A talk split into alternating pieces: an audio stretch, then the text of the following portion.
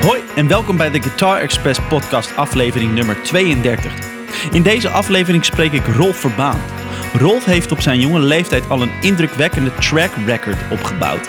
En heeft onder andere samengewerkt met Guus Meeuwis, Tangerine, Hans Hanneman, De Douwe Bob, Mercy John, de Danny Vera, de Bertolf en nog vele anderen. Rolf en ik gaan terug tot onze studie, de Rock Academy. Hij zat een paar jaar boven mij en was op school een van die goede gasten. Zelfs toen had hij al een volwassenheid in zijn spel die heel fijn was om naar te luisteren en om mee te werken. Waanzinnig om te horen hoe Rolf een van zijn helden James Burton ontmoette. Om hem te horen vertellen over zijn studioervaringen in Tucson, Arizona. Hoe hij zichzelf banjo leerde spelen. Hoe hij het spelen in bepaalde bezettingen aanpakte. En uiteraard zijn gear. Zijn oude vertrouwde Telecaster en zijn wat recentere aanwinsten. Het is wel waanzinnig om Rolf zo te hebben zien groeien in de afgelopen jaren. Niet per se qua spel, maar de waardering voor zijn spel. En de artiesten die iets in hem zagen en hem graag wilden hebben voor hun muziek. Rolf's kennis van country en Americana gaat heel diep en dat hoor je terug in zijn spel en sound. Oké, en dan nog even dit. Wist je het al? Er is tegenwoordig in een zeer beperkte oplage een The Guitar Express podcast t-shirt. Ze zijn gemaakt van duurzaam katoen en bedrukt hier in Utrecht. Ze zijn er in de kleuren gebroken wit en lichtgroen. Het organische katoen draagt licht op de huid en de shirts zitten heel goed. Check de site www.theguitarexpress.com slash podcastshirt voor meer foto's en meer informatie. Dank voor het inschakelen op de Guitar Express podcast en heel veel plezier met Rolf Verbaand.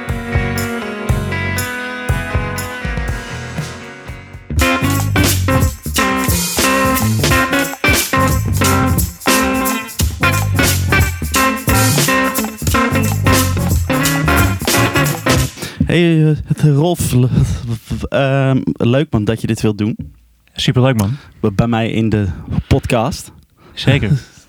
nu eindelijk. Ik heb het volgens mij, mij even geleden al gevraagd, maar het is op de een of andere manier ja. helemaal niet uitgekomen steeds. Dat was een jaar geleden al volgens mij. Ja, precies ja. en nu is het gewoon een, ja, nu, zijn we, nu zijn we hier, dus ik ben er heel, heel blij mee. En, uh, en leuk man dat je dit wilt doen. Zeker. Uh, en thanks dat ik hier zo mag zijn in jouw, jouw mooie ruimte en uh, met, met al je gear en zo. En ik vind het echt leuk man, dus thanks. Hey, wat zijn jouw... Um, wat is eigenlijk... Uh, um, ja, of de band, of de, of de, of de gitarist, of, of het moment geweest wanneer jij zoiets had van, ah, ik wil dat ook doen, dat gitaar spelen? Um, nou, ik zou in eerste instantie zeggen dat het uh, begonnen is met Elvis. Maar dat is niet per se. Dat was niet per se direct dat ik dat dan ook wilde of zo. Het is eigenlijk dat ik dat. Uh, nou, nou, goed, ja, mijn ouders liepen eigenlijk altijd wel tien jaar achterop technologische ontwikkelingen. Dus waar de hele wereld al een CD-speler en een uh, videorecorder had, hadden wij eigenlijk alleen nog, nog, nog maar een, uh, een platenspeler en ja. een cassette, cassettedek. En er waren gewoon heel veel platen in huis. En um, op een gegeven moment, ja, als kleine jongen, toen was ik volgens mij twee of drie. Toen, toen zat ik altijd in die kast uh, te, te, graaien. En er stond gewoon een heel vak met Elvis platen.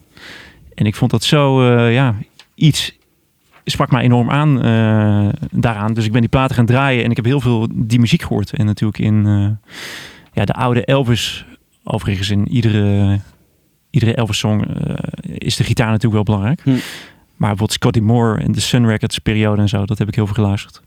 En ik denk dat dat mij geïnspireerd heeft tot het instrument. Maar um, nou ja, ik denk eigenlijk ook wel, eh, nu ik er zo over nadenk, dat ik daarom op, op gitaarles wilde uiteindelijk. Ja. Ja, en dat is, ja, dan heb je het over uh, groep 6 basisschool. Dat ik dan ja, op les ging. Dus dan ben je 10, 11 of zoiets? Zoiets, denk ik. Negen. Negen. Ja. Maar het grappige is, um, nou ja, toen dat was groep 5 basisschool. Toen mocht ik op AMV, zeg maar. En uh, dat was een soort van. Oh, uh, algemene muzikale vorming. Muzikale. Precies. Ja. En, dat heb ik volgens mij ook nog. Oh ja, nu weet ik het weer. Ja, ik, ik wou dus op gitaarles. Ja. alleen je moest dan een jaar AMV doen. En ik weet nog dat ik dan zat ik thuis naar Elvis te luisteren. en dan moest ik een kwartier later op de muziekschool zijn. En dan moest ik een deun dip zingen. Ja. En dat was echt dat ik dacht van, jezus, is dit muziekles? Ja, ja, precies. Dit- dit is toch geen muziek? Precies, dus op die leeftijd ja, had ik dat al. Maar het is natuurlijk zeker wel goed voor je muzikale vorming. Want ja, er zitten ook heel veel kinderen die nog niks met muziek hadden. Die dan ritmes moeten tikken. En eh, Mhm. ja. ja. met zingen en zo. Het is natuurlijk wel goed. Alleen ja, ik had dus blijkbaar al die smaak. En eh, Toen Ja. al. toen al inderdaad. En eh, ja, ik, ik, weet, ik heb dat vast wel een keertje thuis laten vallen. Maar eh, van ja, jezus, ik vind het helemaal, ik vind het helemaal niks. maar ja, oké jongen, ga maar door. Volgend jaar mag je gitaar spelen en eh, dan wordt het leuk. En eh, ja, dat, dat werd het ook eigenlijk. Ja. Maar één ander moment... oh nee, dat is later. Dus toen ging ik op gitaarles. Dat was klassiek gitaarles Oh ja. heb ik eigenlijk volgens mij zeven jaar heb ik les gehad bij die muziekschool. En eh, heb ik trouwens les gehad van de vader van Michiel van Iersel. Meen je? Ja, Wow, die, Dat was mijn, eh, ik wist helemaal niet Ja. dat hij ook speelde. Dat is dus een gitarist van de No Turning Back. Of nou niet meer trouwens, maar die heeft vroeger Ja. bij No Turning Back ja precies. Ja, die gespeeld voor de luisteraars die hem niet eh, kennen. Ja. En André van Iersel was mijn docent. Een hele goede docent. Die heeft me eigenlijk ja, gewoon klassiek leren spelen. En dat is toch wel heel goed voor je techniek, denk ik. Zeker op akoestische gitaar. Maar ik weet nog dat ik een keer uit logeren ging bij een oom en tante. En die hadden een videoband van eh The Shadows Live in Liverpool. ja. 1989. En eh, nou, toen gingen we dat kijken op een avond. En eh, nou, dat vond ik zo geweldig. Toen kreeg ik die videoband mee naar huis. Heb ik grijs gedraaid. Of die zet ik iedere ochtend voor school op. En ja, Henk had zo'n rode Stratocaster. En toen, weet je wel, toen zagen mijn ouders ook dat ik daar helemaal gek voor was. En toen kwam er de mogelijkheid om al vrij snel bij de muziekschool in een bandje te spelen. En eh, toen had ik dus uiteindelijk ook een elektrische gitaar nodig. En eh, nou, toen kreeg ik zo'n Squire Affinity pakket. ja, met zo'n amp erbij. Een rode zo'n strat met, met een Ja. 10 watt versterkertje. Ja, precies. En eh, ja, zo is het eigenlijk begonnen. Dus ik, ik heb dus eigenlijk klassiek les gehad. Maar op elektrische gitaar. En alles wat je daarop doet, dat heb ik eigenlijk altijd zelf uitgevogeld. En dat is eigenlijk vrij snel daarbij al begonnen. En toen ging ik ook al in dat bandje spelen waarbij ik, eh, waar ik vijf jaar in heb gespeeld. Dat heette Reset. En daar zat dus eh, Anne Hogendoorn in. Was dat met. Anne? Dat was met Anne. Oh, lachen. Dat is dus, Dus, ook. ja, Ja. precies. Ja. Zo is het eigenlijk begonnen. Ja. Dus eigenlijk Elvis en de Shadows, daar is het mee begonnen Ja. met eh, de vonk. Juist, ja. En toen... Maar, maar, maar dus is dat, dat ben je allemaal zelf een beetje uit gaan vogelen, zeg je. Ja, Die, die, die muziek. De, naast je gitaarles van André van Iersel dus. Ja, precies. Want eh, het, ja, weet je, je weet eigenlijk helemaal niet van. eh, je bent eigenlijk gewoon een blanco blad als je daar binnenkomt. Ja. En wat ik gewoon goed heb geleerd is, is eh, lezen en zeg maar dus die motorische handeling uitvoeren van dat je muziek leest en je speelt het. Ja. Dat heb ik daar zeven jaar gedaan. En dat heb ik, ja, ja, dus een, was een heel goede docent. Maar eh, ja, ik kwam er al gauw ook achter dat eh, ja, in een band heb je andere dingen nodig. Als je een solo moet spelen, moet je kunnen improviseren. En ik weet nog dat ik daar gewoon mijn eerste pentatonische ladder heb geleerd. En, eh, en zo is het eigenlijk een beetje begonnen. Ja, allerlei handvatten zijn er gaandeweg gekomen. En ik was het altijd zelf aan het uitzoeken. Ja. Op een gegeven moment ja, werd ik gewoon fan van Nirvana en Guns N' Roses. Ja. En eh, die hele periode, zeg Ja. maar. En dat, eh, ja, vroeger ook heel veel Slash uitgezocht. Ja. Ja.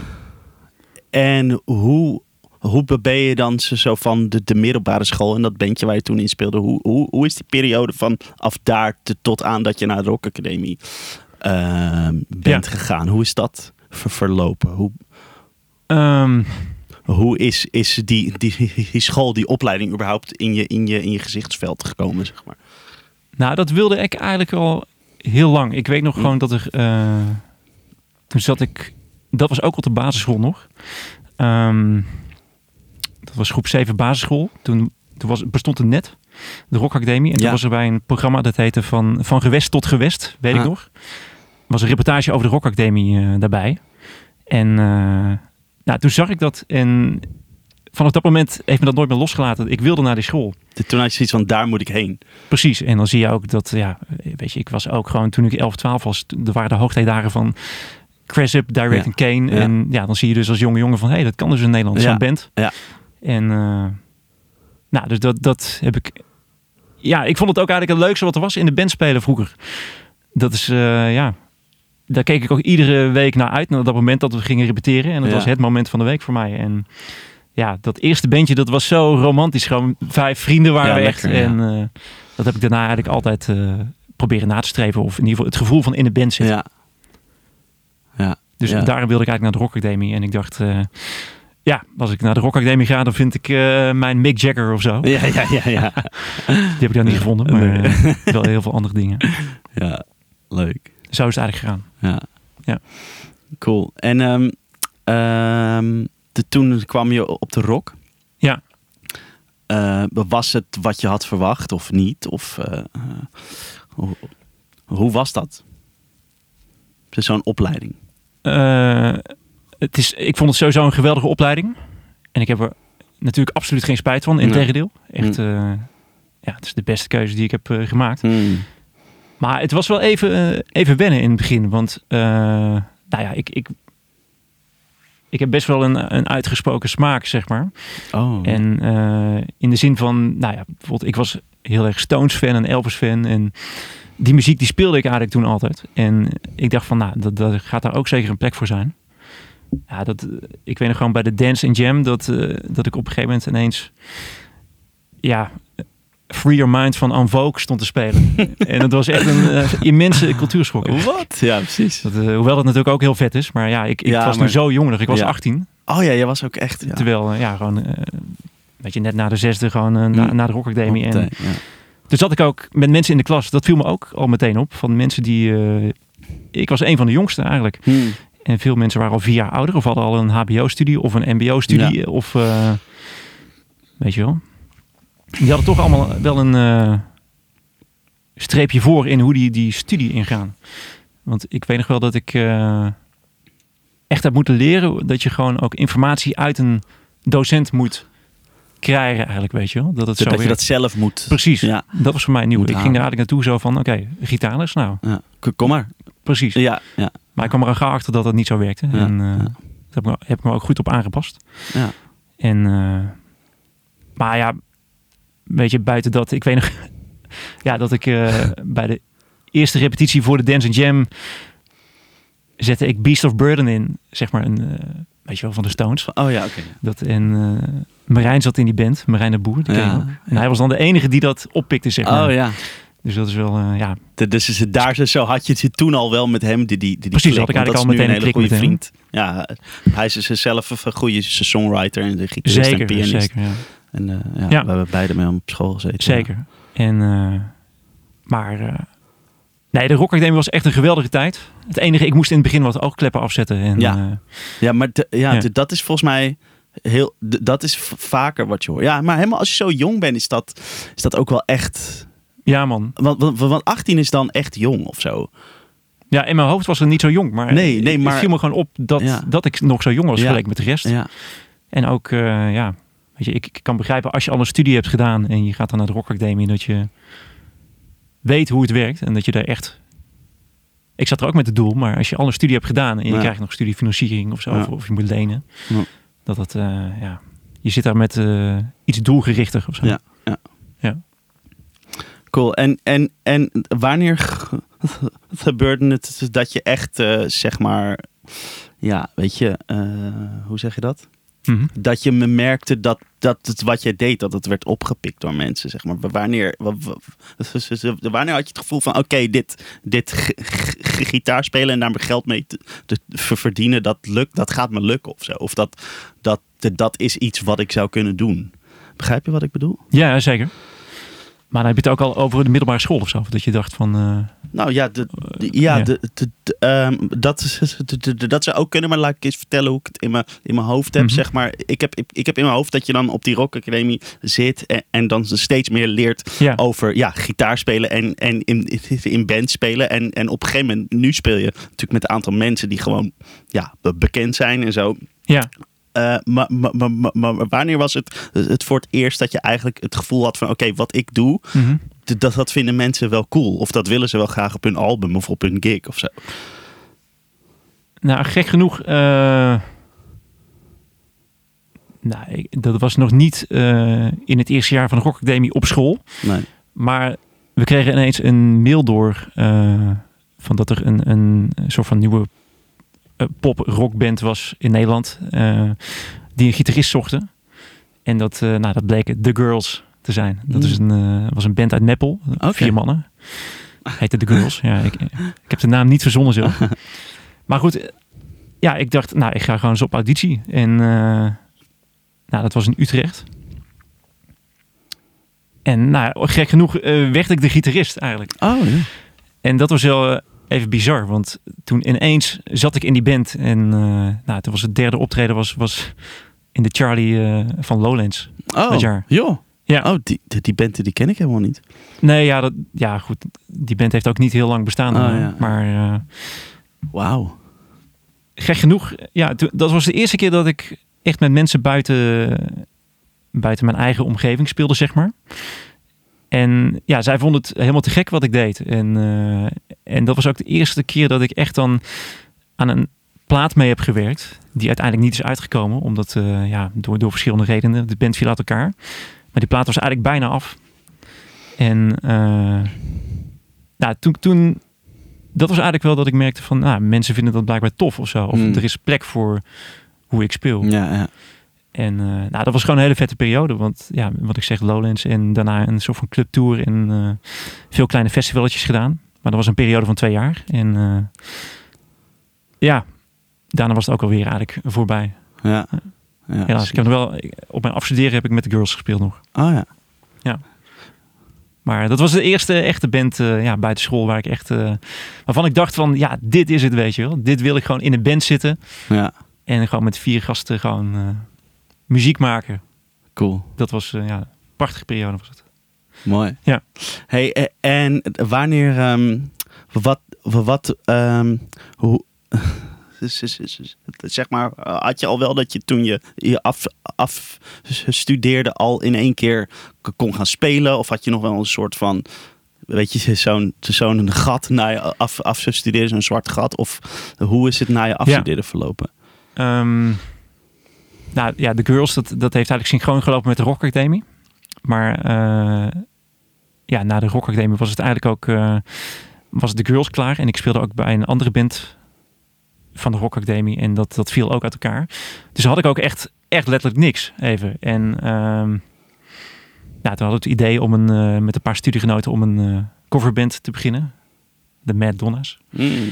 Die ken je natuurlijk. Mm -hmm. En nou, dat was toen eigenlijk het project. En nou, daar ben ik ook wel heel erg uitvoerig gigs voor gaan boeken in het uh, begin. Hm.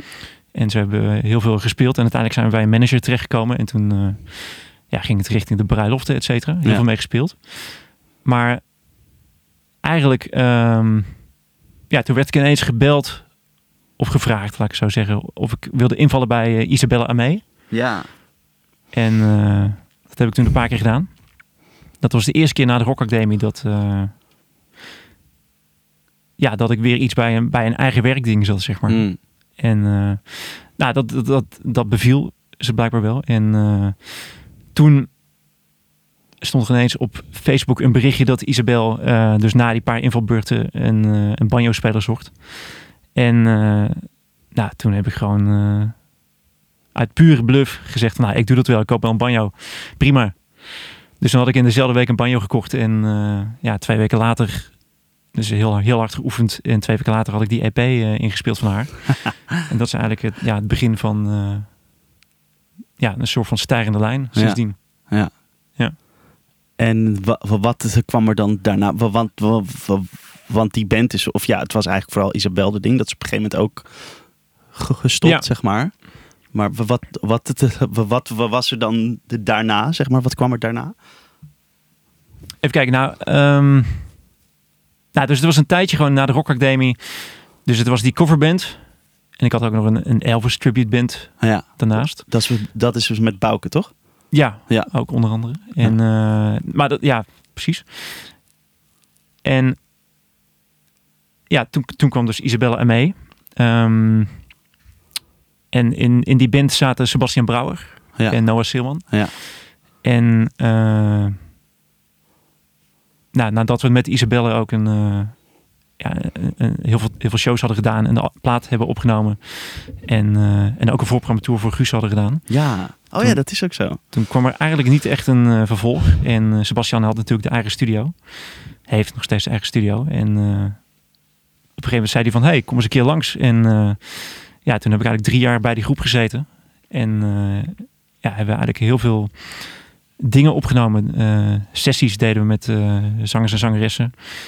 En dat was echt een heel, hele toffe Ja. en leerzame tijd. Want ja, want was gewoon want echt... zij, ze zijn nu zeg maar onder andere de mensen ja, die, die met de Davine en Michel werken, zeg maar. Ja, Ja. precies. Ja, dat is te gek. Ja. Zeker. Maar dat is dus, ja, dat is daar begonnen. En Ja. daar, daar zat ik dus eigenlijk bij, bij die groep. Ja, Ik heb ook ja. nog in de VOF gezeten. Een Ja, ja, half. Maar toen ik erbij zat, was er nog geen sprake van eh Davine en Michelle Mhm. natuurlijk. Dat is echt, eh, nee, dat was 2013 tot met 16 volgens mij. Ja. Maar het was een hele toffe tijd. En Ja. ja, het mooie van die tijd was dat eh, er was gewoon tijd en overvloed om te leren opnemen. En ook met clicktrack spelen. En daar heb ik zoveel van geleerd. Ja. Daar ben ik ze ook nog heel dankbaar voor eigenlijk. Mm. En toen, nou, daarna kwamen er andere dingen. Toen eh, werd ik gevraagd om eh, een keer in te vallen op banjo bij Demira. Oh ja, ja. Ze- Dat is ook een zangeres. Van de beste singer-songwriter. Songwriter, ja. Echt te gek. Ja. En eh, ja, toen eh, kon ik daarbij gaan spelen. En, eh, en toen belde ook ineens Hans Hanneman, die had een gitarist nodig. En eh, ja, had een plaat gemaakt en hij wilde een soort van chicken picking country sound. Mhm. En eh, nou, toen zat ik ineens bij de Subbase Band en bij Demira en Hans. Mhm. En eh, vrij snel daarna is eigenlijk ook Tangerine eh, in beeld gekomen. Ja. En natuurlijk Mercy John. Mhm. Dat is eigenlijk allemaal in diezelfde periode is het Oh, allemaal ja? opgestart. En het, Ja. het, het bizarre is dat ik, ja, weet je wel, dat, dat ging allemaal zo natuurlijk. Van je wordt ergens voor gebeld en voor je het weet zit je daarbij. Ja. En dan ja, ben je bij iedere band weer eh, een EP of een plaat verder. Ja. En, eh, ja, en nu speel ik er nog steeds bij eigenlijk bij, eh, bij, bij John en Hans Ja. Tangerine. Tangerine. Ja. En wat is nou, nou, nou denk je er- ervoor nodig om, om te, te, te hoe zeg je dat? Om, we- weet je, Mhm. dat, dat het mensen je vragen en dat je dan je ding gaat doen.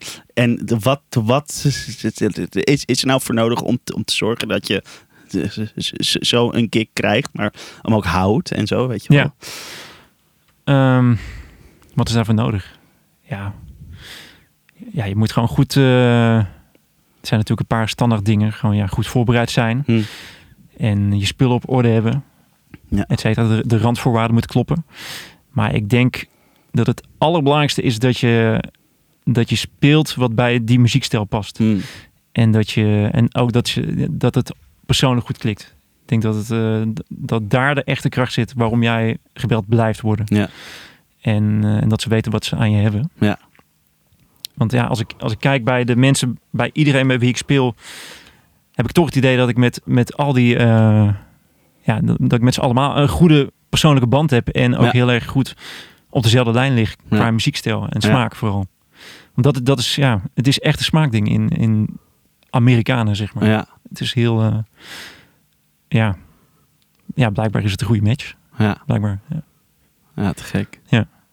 Ja, tof. En ehm eh, ja, even kijken hoor.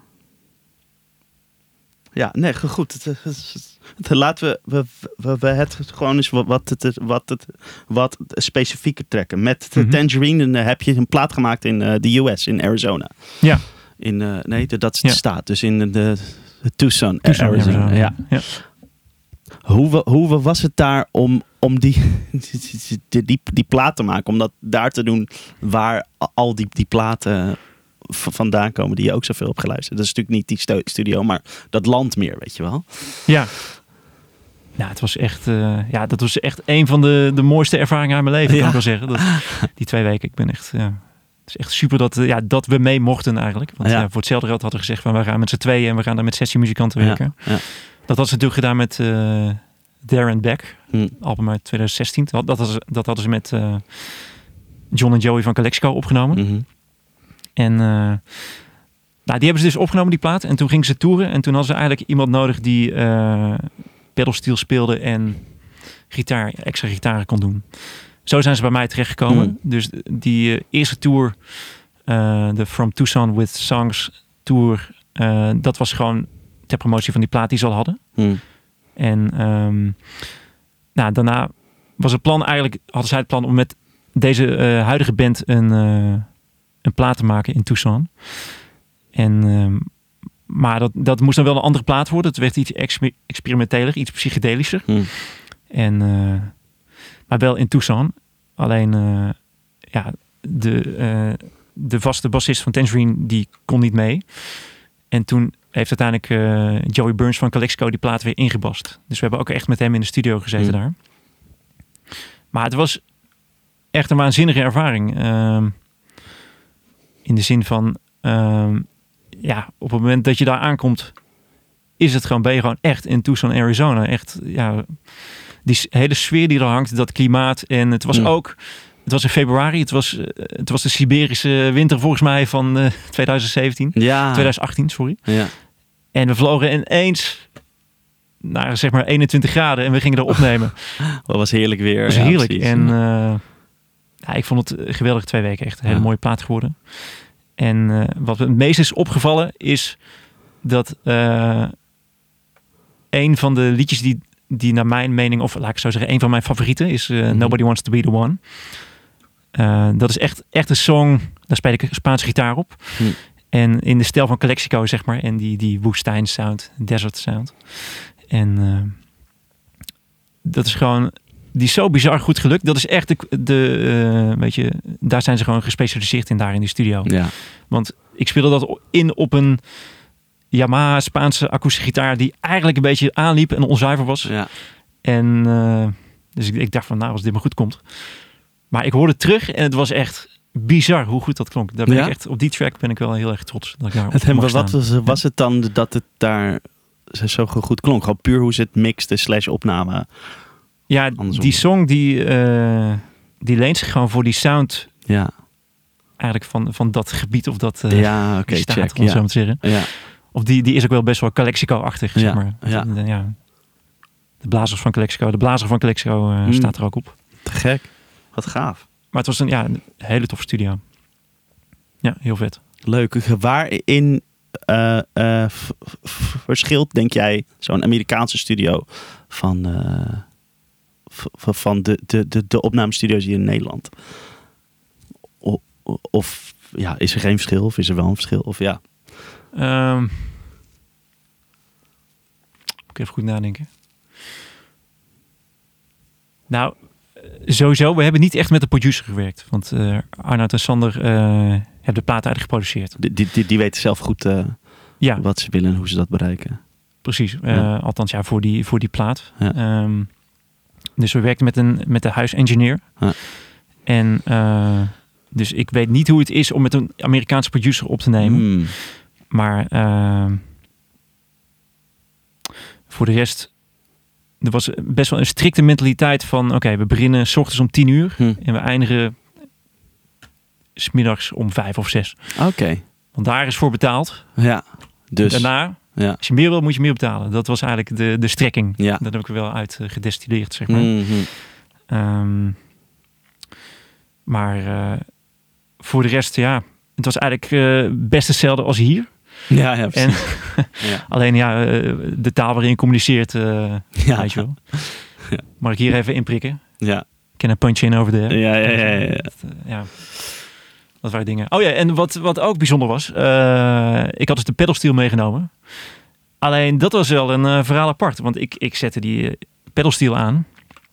En echt, ik dacht, is, is, is die stuk of zo? Ik had echt een, een brom, nou, dat heb ik hier nog nooit gehoord. Dat, dat schijnt dus de beruchte 60 cycle hum te zijn Oh, in Amerika. de ja. stroomnet daar. Hier is, Ja. het, Hier heb je dat bijna. hier is het eigenlijk 50 cycle of zo. Ja. 50 hertz. En Ja. dan was het eh, 60. En dat, dat werkt dus op die elementen en die pick-ups. En, eh, dus we hebben echt gekeken waar kan ik die pedalsteel Ja, moet je neerzetten. echt, het, ja. het beste neerzetten in de studio. Ja. En toen was er nog steeds een brom. En er zat er een of andere Den Electro eh, equalizer pedaaltje tussen om die frequenties eruit te halen. Was Ja. er nog steeds een brom. Ja. allerlei omwegen. En, oh, eh, dat is kut, ja. Dus het was eigenlijk, dat speelde niet lekker, laat ik het zo zeggen, op die stiel. Maar ja, hij is toch wel, hij staat erop. En alleen sindsdien, ja, nu heb ik onlangs mijn eh enkelspoels element vervangen door een humbucker. Ja. had ik eigenlijk moeten hebben. Ja, Maar dat was echt het, eh, dat wist ik niet. nee. Maar dat schijnt dus echt een Amerikaans fenomeen te zijn. Ja, ja, Ja. maar de, daar, de, de, de- daar hebben ze natuurlijk ook altijd over, daar, over die 60 Precies. cycle. Ja, En ja, hier zo, zo hoor je, heb je ook wel door dat een humbucker wat meer, ja. eh, of eh, dat een enkelspoel meer bromt dan een Ja. humbucker. Maar maar ik dacht dus ook van, ja, waarom hoor ik dan die brom niet bij al die oude opnames uit de jaren 60 Ja. en 50? Dat schijnt alweer met, met eh zo laagomige pick-ups te maken te hebben. oké, Die waren vroeger gewoon heel laagomig. Daarom klinkt het ook zo dun. Ja. Maar oké. althans, dat is mij verteld. Ja, Ja. oké. Cool. En wat is dan eh, je- jouw rol in, in, in zo'n band als, als, als Tangerine? Is dat echt puur het spelen? Of heb je soms ook, ook wat inbrengen in die liedjes of zo? Of hoe, hoe, hoe, hoe moet ik dat zien? Ehm nou, ja, Tangerine is echt, eh, weet je, het is gewoon een duo. Arnold Ja. en Sander, Ja. zij maken de songs. En ze hebben altijd een heel goed idee waar ze naartoe willen. Hmm. Maar eh, ja, weet je, vooral bij de, die plaat die ik dan met ze heb ge- gemaakt. eh, die hebben echt met de band uitgewerkt. En dan, toen was er echt ruimte voor ideeën van iedereen. En nou, dan maak ik wel echt mijn, mijn eigen partijen. En ja, af en toe is er een soort van basisidee. En dan Ja. borduur ik daarop verder. Mm. Maar ja, wat, wat ik daar speel is toch wel meestal mijn eigen creatie die ik eh, zoveel mogelijk om hun heen probeer te spelen. Ik probeer ze niet in de weg te zitten. Ik probeer aan te vullen. Dat is eigenlijk het ding. Je moet gewoon, ja, je moet, eh you gotta add to it, zeg Ja, maar. ja, Dat is eigenlijk wat ik probeer. En dat is, ja. Weet je, want het, het vreemde is, en dat is eigenlijk bij iedereen bij wie ik speel, ze spelen allemaal zelf gitaar. En ook heel goed slaggitaar, weet je wel. En eh, vaak is het ook dat, dat er dan al in de partij waarmee ze komen, in het basisidee, zit dan al eigenlijk een, een melodie verwoven Mhm. of, of een extra partijtje. Of een, dus het is eigenlijk meer dat er dan een van hun partijen versimpeld moet worden. Waardoor de ruimte voor mij komt, waardoor Mhm. ik dan juist dat lijntje kan spelen. juist, Dat merk ik heel vaak. juist. En, eh, maar er is ja, heel veel eh, ruimte tot creativiteit bij Tangerine. Is heel tof. Ja. Vet. En eh, eh, ehm, eh, dat is misschien anders voor de andere bands waar je bijvoorbeeld in speelt. Hans Hanneman, Mercy John. Die, die, je hebt ook een tour met Bertolf gedaan. Weet Ja. je, Guus. we- Ja. we- hoe is voor al die, die bands waar je bij speelt of bij hebt gespeeld misschien, hoe is, hoe- is die rol anders? Of is dat toch best wel hetzelfde? Of, Ehm, is op zich hetzelfde. Het, het ding is wel dat bij, eh, bij Tangerine is het altijd heel erg duidelijk. Hebben Arnold en Sander toch een duidelijk beeld wat ze willen. Dus Hmm. het werkt heel goed. En ze kunnen heel goed, heel kordaat eigenlijk de band sturen. ah, ah, maar dat is heel, heel fijn, want dat is voor jou heel, denk ik heel lekker om dan Ja, dat uit te voeren, zeg maar. is- en dat is- een beetje vorm te geven. het is fijn in de zin van dat het, eh, dat het heel snel werkt. Ja. En, en dat je ook niet onderling met eh, in de band heel veel discussie hebt, zeg maar. Dat merk ik heel vaak. Ja. Dat, eh, ja, weet je, als je gewoon met een goede groep speelt, heeft iedereen Ja. een smaak. Ja. Iedereen een mening. En dat kan nog wel eens, als er dan niet duidelijk een knoop wordt doorgehakt, Ja. eh, leiden tot, tot discussie. En dat is, ik vind juist dat die er moet zijn. Hmm. Want daardoor krijg je betere ideeën. Hmm. Maar het is wel fijn af en toe als dan iemand meteen zegt: nee, nee, het moet zo zijn. Nee, dat is niet goed. Nee, dat. Ja, Ja. dat. Ja. Of je je aanmoedigt. En ja, bij Tangerine worden die keuzes gewoon heel snel gemaakt. Ja. En dat, is, eh, dat werkt wel fijn. Maar dat wil niet zeggen dat ik zeg dat het bij de andere bands niet fijn werkt. Dat werkt Nee. ook heel fijn. Maar Ja. dat werkt Anders. dat is iets meer een, een groepsproces. ja. Waarbij eh, uiteindelijk ja, toch de keuze wordt weer gemaakt door de hoofdartiest. Alleen dan, wordt het- Uiteindelijk. wordt het toch meer, eh, ja, weet je wel, gerepeteerd en gediscussieerd. Ja. En ja, dat, dat duurt wat langer. Maar Ja. of het daardoor beter is, weet ik niet. Nee, ja, check. Nee. Oké. Wat je ook vaak eh, eh, eh, doet of deed of Mhm. hebt gedaan, is, is ze volgens mij bij, bij verschillende acts invallen. Ja. En wat is, de- denk je, hoe, hoe pak je dat aan om als je bijvoorbeeld een dag van tevoren wordt gebeld of, nou, misschien niet zo kort, maar als Uh-huh. je, als je heel, heel kort van tevoren wordt gebeld van, joh, kun je invallen voor mij? Hoe, hoe pak je dat aan? Ehm, ja, dus wel grappig. De allereerste invalklus die ik deed, was, eh, dat was wel in het jaar na de Rock Academy. Dat was eh, bij Glamorama. Hmm, wat is dat? Coverband, partyband. Oké. En eh, nou, dat was de eerste keer dat ik echt werd gebeld, zeg maar. Hey, kun je Ja. invallen? Ja. Is trouwens niet de eerste invalklus, maar eh, Mm. buiten de, na de Rock Academy was Mm. het eerste. En toen, nou, dat was allemaal materiaal wat ik niet, eh, niet kende. Allemaal Mm. face medleys. En eh, ja, dat is heftig. toen heb ik echt gewoon, ben ik vier weken van tevoren begonnen. Heb ik elke song gewoon uitgeschreven in Sibelius. Ja. Allemaal uitgeprint, had ik een map bij me. Ja. En eh, ik kreeg zeker complimenten van, ja, je hebt het wel echt heel goed uitgezocht. En het liep ook ja, gewoon goed, weet je. De band Ja. kon gewoon spelen. Want Ja. dat, dat is waar het om gaat als je invalt. Dat zij het niet merken dat je invalt. Zeg Er moeten geen zorgen zijn. En ook als het kan, ook geen eh, issues qua smaak, denk ik. Weet je wel? Dat het gewoon in dezelfde lijn is als wat er al eh, gebeurt. Ja. Het moet gewoon doorgaan. Ja. Maar eh, ja, goed. Toen, weet je, ze zochten op een gegeven moment daar een hele, toch een iets extra, meer extraverte gitarist. Weet je wel? Iemand die heel veel show maakt. En dat snap ik ook. Ehm, maar toen dacht ik van ja, weet je wel, heb ik dit allemaal uitgezocht? En dan word ik niet meer gebeld daarvoor. Ja. En eh, gelukkig zijn er heel veel andere invalklussen daarna gekomen. Mhm. Maar ehm, toen dacht ik wel van ja, ik moet het anders aanpakken. En eh, ja, dus het is gewoon heel vaak de set luisteren. Hm. En eh, nou, het ligt ook een beetje aan de gelegenheid hoor. Maar ik probeer wel vaak uit mijn hoofd te spelen. Hm. En eh, nou, dan ben ik meestal gewoon, ja, dan speel ik zo'n liedje een, een uur door thuis en dan zit het in mijn hoofd. Ja, precies. Uiteindelijk. Ja. Ja. Ja. Maar er zijn ook klussen dat ik echt een dag van tevoren werd gebeld. En Ja. eh, dat ik bij eh, de eerste keer dat ik bij Bouke en de Elvis Metals Band inviel, dat was echt de dag van tevoren. En dan moest ik 40 kerstliedjes eh, spelen. Nou, toen heb ik een, een nacht doorgehaald. Ja, en, dat moet dan wel. precies. En toen heb ik, nou, dan ga ik echt gewoon een standje turbo. Dan schrijf ik gewoon Ja. die sheets heel snel uit. Dan luister ik het. En dan heb ik binnen, ja, gemiddeld ja, een kwartier per song kun je dat uitzoeken. Ja. En dan kun je invallen. ja. Dan is het een, een invalniveau. Maar ja. dan is het gewoon... dan eh, is het niet waar het wil hebben misschien. Maar nee, ja, maar dan ben je wel degene die de boel redt voor die dag. Ja, want de nee. gitarist heeft afgezegd. En ze zijn heel blij dat jij er bent. En dat je dan toch goed hebt uitgezocht. ja, ja. Ja, weet je wel? Dus het is, het is eigenlijk ja, het is een heel mooi vak invallen. Ja, ja, ja, ja, zeker. Ja, Ja. Ja lachen. Ik vind het overigens nog steeds leuk om te doen, invallen. Ja. Ja. Snap ik, ja. We bouw, eh, want want het, met de- die band, het, het- het- daar ben je volgens mij ook in de, de ehm, Sun Studios mee geweest. Ja. Of was dat, hoe, hoe was dat dan? Want, want dat is volgens mij echt de, de, de holy ground voor Ja, ja, ja, iemand. Als, als jij, toch? Ja. Eh, ja, zeker. Ehm, ja, zeker als Elvis-fan. Ja, we waren toen met Bouke en eh, de Elvis Metals Band in Amerika. Ja. En eh, nou, toen heb ik eerst twee weken rondgetrokken met Marijn, toetsenist, ook bij de Elvis Metals Band. Ja. En eh, daarna een week in Memphis vertoefd. En toen werden we eigenlijk verrast van, ja jongens, we gaan morgen opnemen in de Sun Studio, hebben we geregeld. dus konden we tussen volgens mij vijf en zeven, waren er twee uren om daar op te nemen. en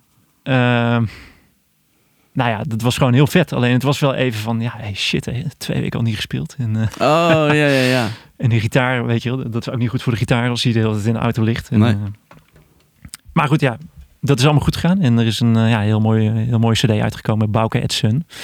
Alleen, het is wel zo, ja, het is Sun Studio, maar weet je wel, er zit gewoon iemand achter de knoppen, die zet de computer aan, Pro Tools laten Ja. lopen. En alles wordt Verder het aangesloten en je Ja. krijgt gewoon een bestand mee naar huis. Ja. En that's it. Ja. Weet je, na die twee uur, tjak, klaar. Ja. Je hebt niet voor meer betaald. Dat is echt. Amerikaans volgens mij. Ja. En eh, Ja, we- we- ja, dat is daar ook echt een, business natuurlijk. Ja, maar het was, het was waanzinnig. Alleen ja, kijk, als je daar twee uur zit en we hebben zes liedjes opgenomen. Ja. Het was gewoon een hele toffe ervaring. Eh, ja, weet je, je weet het zelf ook, als je goed de plaat wil opnemen, dan moet je gewoon, eh ben je een dag bezig met inregelen, bij wijze van Ja, spreken, als het echt goed moet. Ja. De basissound, Ja. met alle instrumenten. Ja. En dat was, ja, dat was niet. Maar het was een hele toffe ervaring. En eh, ja, weet je, ik kan wel zeggen dat ik er heb opgenomen. Dat wel. Ja, nou ja, dat is toch wat, hè? Dat is toch wat waard. Ja, ja. te gek. Ehm, even kijken. Je, en wat vind je zelf het leukst om, om te doen? Is dat eh, platen maken? Dus, dus echt ja, dat, dat opnemen? Of is dat optreden voor heel veel mensen? Of optreden voor, voor juist weinig mensen? Of wat doe je het liefst? Eh, Waar zo voel je je echt het meest in je element? Nou, ik voel me het meest in mijn element eigenlijk gewoon in dit, in, eh, dit leven als muzikant, zeg maar. Laat ik het zo zeggen. gewoon- En dan, ja. Mooi. natuurlijk zijn sommige dingen wel eh, ja, leuker dan andere dingen. Maar ik vind, ik vind het zo'n voorrecht gewoon dat ik, weet je, dan, dat gewoon iedere week eigenlijk anders is. En dat je gewoon, dat je voor je werk naar Groningen mag rijden, weet je. wel. Dat Mhm. je gewoon je auto instapt en dat gevoel van vrijheid naar Mhm. een gig rijden en dan ja, met een band daar spelen. En dan zijn het nou ook in, in veel gevallen speel ik mijn eigen partijen. Weet je wel, dat is gewoon, vind ik geweldig. Ik vind ook gewoon, ja, ik, dat geeft me zo'n voldaan gevoel. En dat kan dan ja, bij verschillende bands zijn. Eh, ik vind het wel prettig dat ik, eh, weet je, dat was ten tijde van de Rock Academy dan nog niet helemaal zo. Want ja, dat is het enige waarmee ik dan pech heb gehad op de Rock Academy. Dat de, de stijl die ik tof vind, dat werd daar eigenlijk niet gemaakt, zeg maar. En, eh, dus ik heb er heel veel andere dingen gespeeld.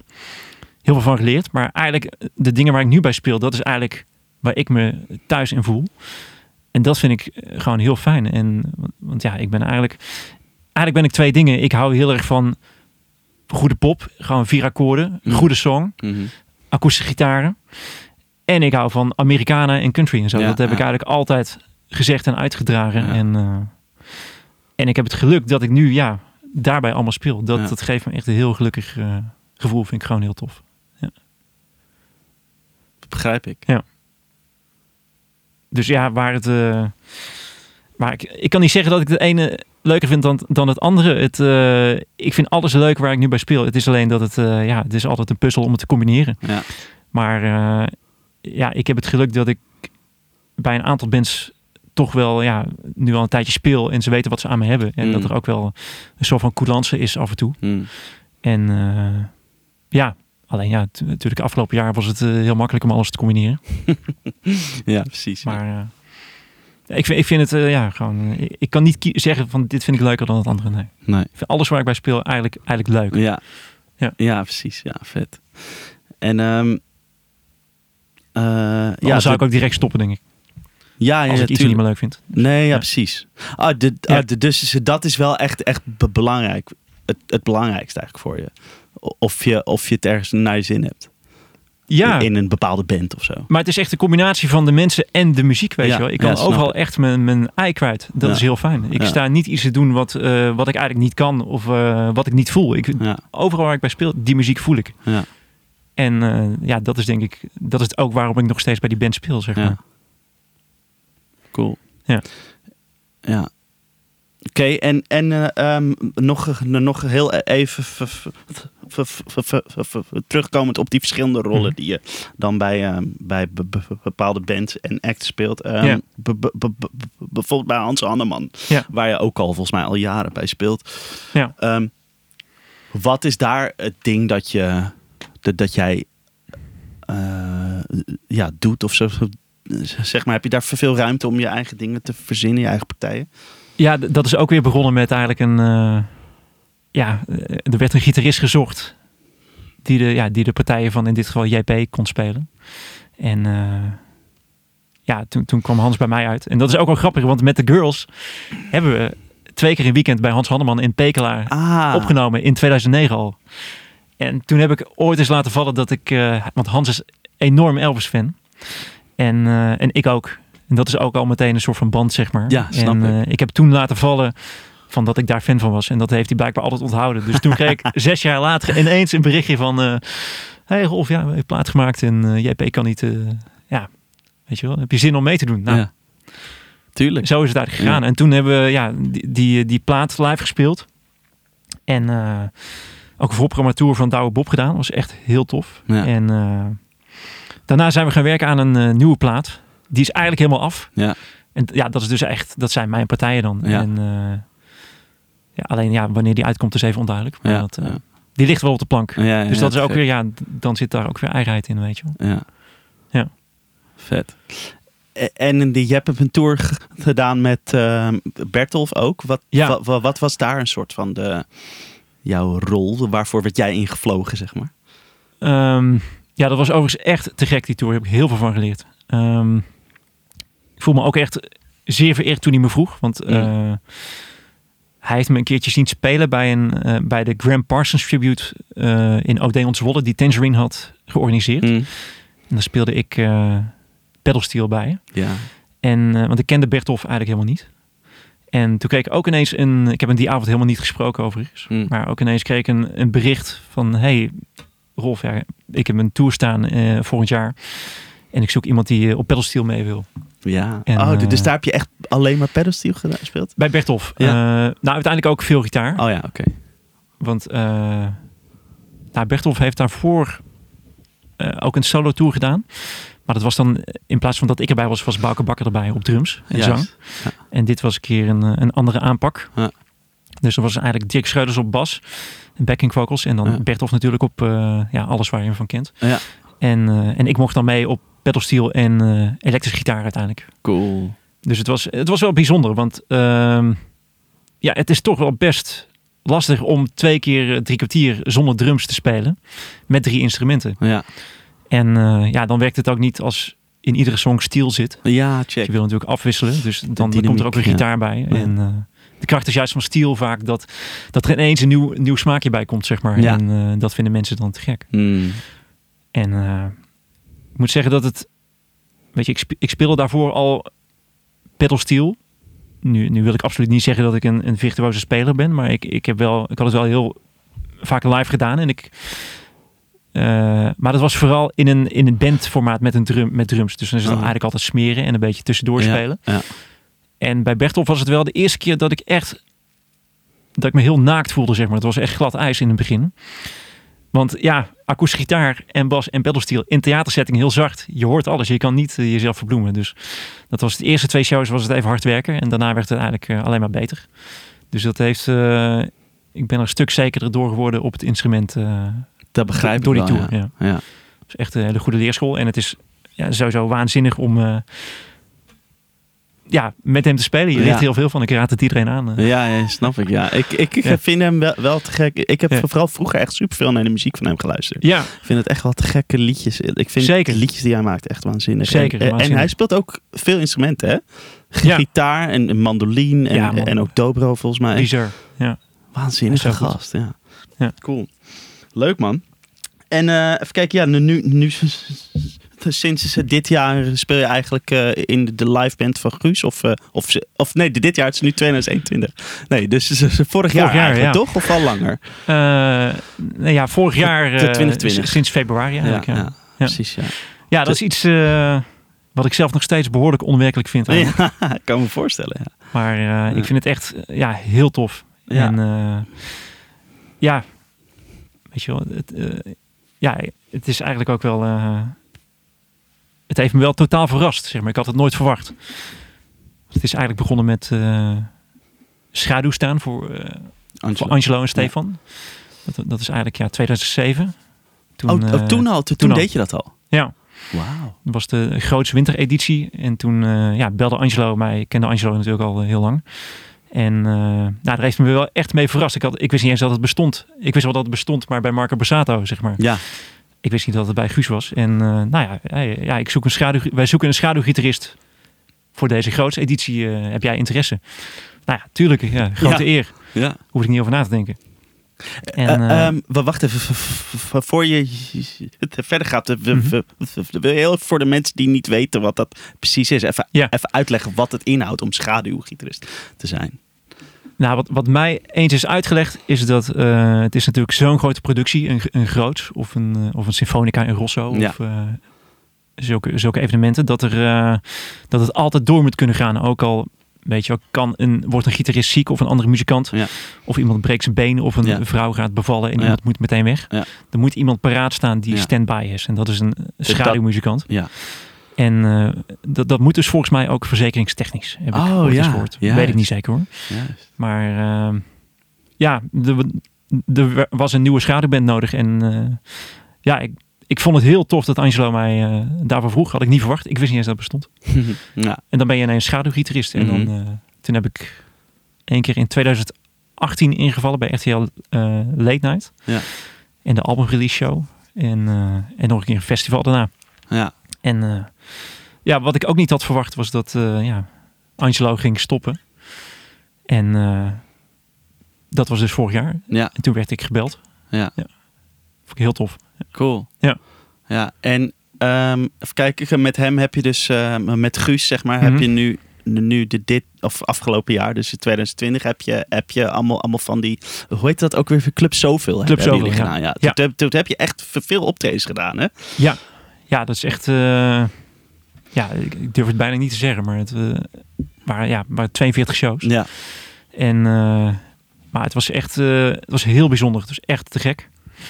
Ik heb er zelf enorm van genoten. Ja. En, eh, maar het was, ja, het was gewoon heel bijzonder, want eh, ja, weet je, 420 man in, in de 013, Ja, zij aan zij, eh, ja allemaal uit elkaar en zitten en zo. En ja, het was, het, was heel, heel, het was eigenlijk heel statisch, maar ook heel bijzonder en mooi daardoor. En die mensen, ja, het was voor veel mensen de eerste keer dat ze na een half jaar ergens naartoe konden. ja, ja. En ja, het was, ei- eigenlijk was het een soort van eh, theatershow, zeg maar, in, in 013. Dus eh, het repertoire was er ook op eh, aangepast. Dat er natuurlijk niet, niet te veel hits werden gespeeld in verband met meezingen. Oh ja, dat, dat, En, dat mocht natuurlijk nee. niet. Ja. Dus, dus ja, de, de nieuwe plaat van Guus werd integraal gespeeld. En van ieder album één, één minder bekend nummer. En op het eind bij de toerift drie bekende hits eigenlijk. En eh, ja, ik, ik moet zeggen ja, dat ik me na 42 shows wel eh, met die set behoorlijk geroutineerd voelde. ja, snap ik, ja. Alleen nu moet het nog een keer gebeuren dat eh, de festivalset eh zoveel kansen krijgt om Ja. te groeien. Nou, nou Ja. misschien dit jaar, weet je, je fingers crossed. Ja, precies. Ik hoop Dat het. het ja. weer mag allemaal. Ja. En, en wat, wat het, speel je bij, bij Guus vooral voor partijen? Speel je, ja, wat speel je? Speel je ook stiel? Nou, nee. Ehm, nou ja, bij Guus is het denk ik, denk ik dan persoonlijk het, eh, het belangrijkste. Allereerst dat het gewoon doorgaat zoals het ging natuurlijk. De band bestaat al heel lang en eh, weet je, ik, ik denk niet dat iemand erop zit te wachten als er ineens hele andere dingen gebeuren. Mhm. Mag natuurlijk wel dingen zelf invullen, maar ik denk toch dat het het belangrijkste is dat het gewoon doorgaat. Hm. En, eh, dus ik probeer me nu allereerst te focussen op de partijen, ja, zoals Angelo's speelde, Ja, zoals ik ze ja. altijd heb uitgezocht. Ja. En ehm, ja, dan gebeurt het toch, nou, als je zoveel speelt, je gaat toch eigen dingen ontdekken en je merkt meteen van, als je een keer een soundboard opname terug hoort, van oké, dit werkt wel, dit werkt niet, dit ga ik anders doen. Oh, dit doe ik daar anders, dat is mooi. Dus zo groeit het eigenlijk vanzelf. En eh, dus ja, inmiddels heb ik ook wel een hoop dingen gewoon eh, ja, al een beetje naar mijn eigen hand gezet. Maar in de Mm. basis hou ik me toch nog wel best wel vast aan eh, hoe het was, zeg maar. Vind het ook Juist. belangrijk dat het, eh, dat het in ieder geval net zo goed klinkt, zeg maar. Net Ja. zo eh, volwassen. Ja, En eh, bij de nieuwe plaat was het natuurlijk anders. Die, die songs heeft Angelo niet, nog nooit gespeeld met de band. nee. En daarbij heb ik eigenlijk met Stefan overlegd van... oké, doe ik akoestische gitaar en ga ik backings meedoen. En Op, voor al die, die, die hele plaat. die plaat eigenlijk Ja, op, op twee uitzonderingen na. Mhm. En eh doe Stefan gewoon de, de solo's en de leadpartijen. Ik denk dat het ook een soort van eh, natuurlijke... Ja, dat ligt ons gewoon van nature beter. Ik bedoel, eh, ja... Ik denk dat het gewoon van nature zo... eh soort van natuurlijke selectie. Ja, ja, ja, precies. Ja, ja, ja. Die, jij Ja. doet dit, ik doe dat. Ja, precies. Ja, Dat, dat wijst zich van, vanzelf. maar nee, het is echt gek om te doen. En Leuk, ja, man. of ik, weet je wel, of ik ooit Steel ga spelen daarbij, dat, dat moet nog blijken. Ja, precies. Want voor jou is het ook nog echt nieuw allemaal natuurlijk.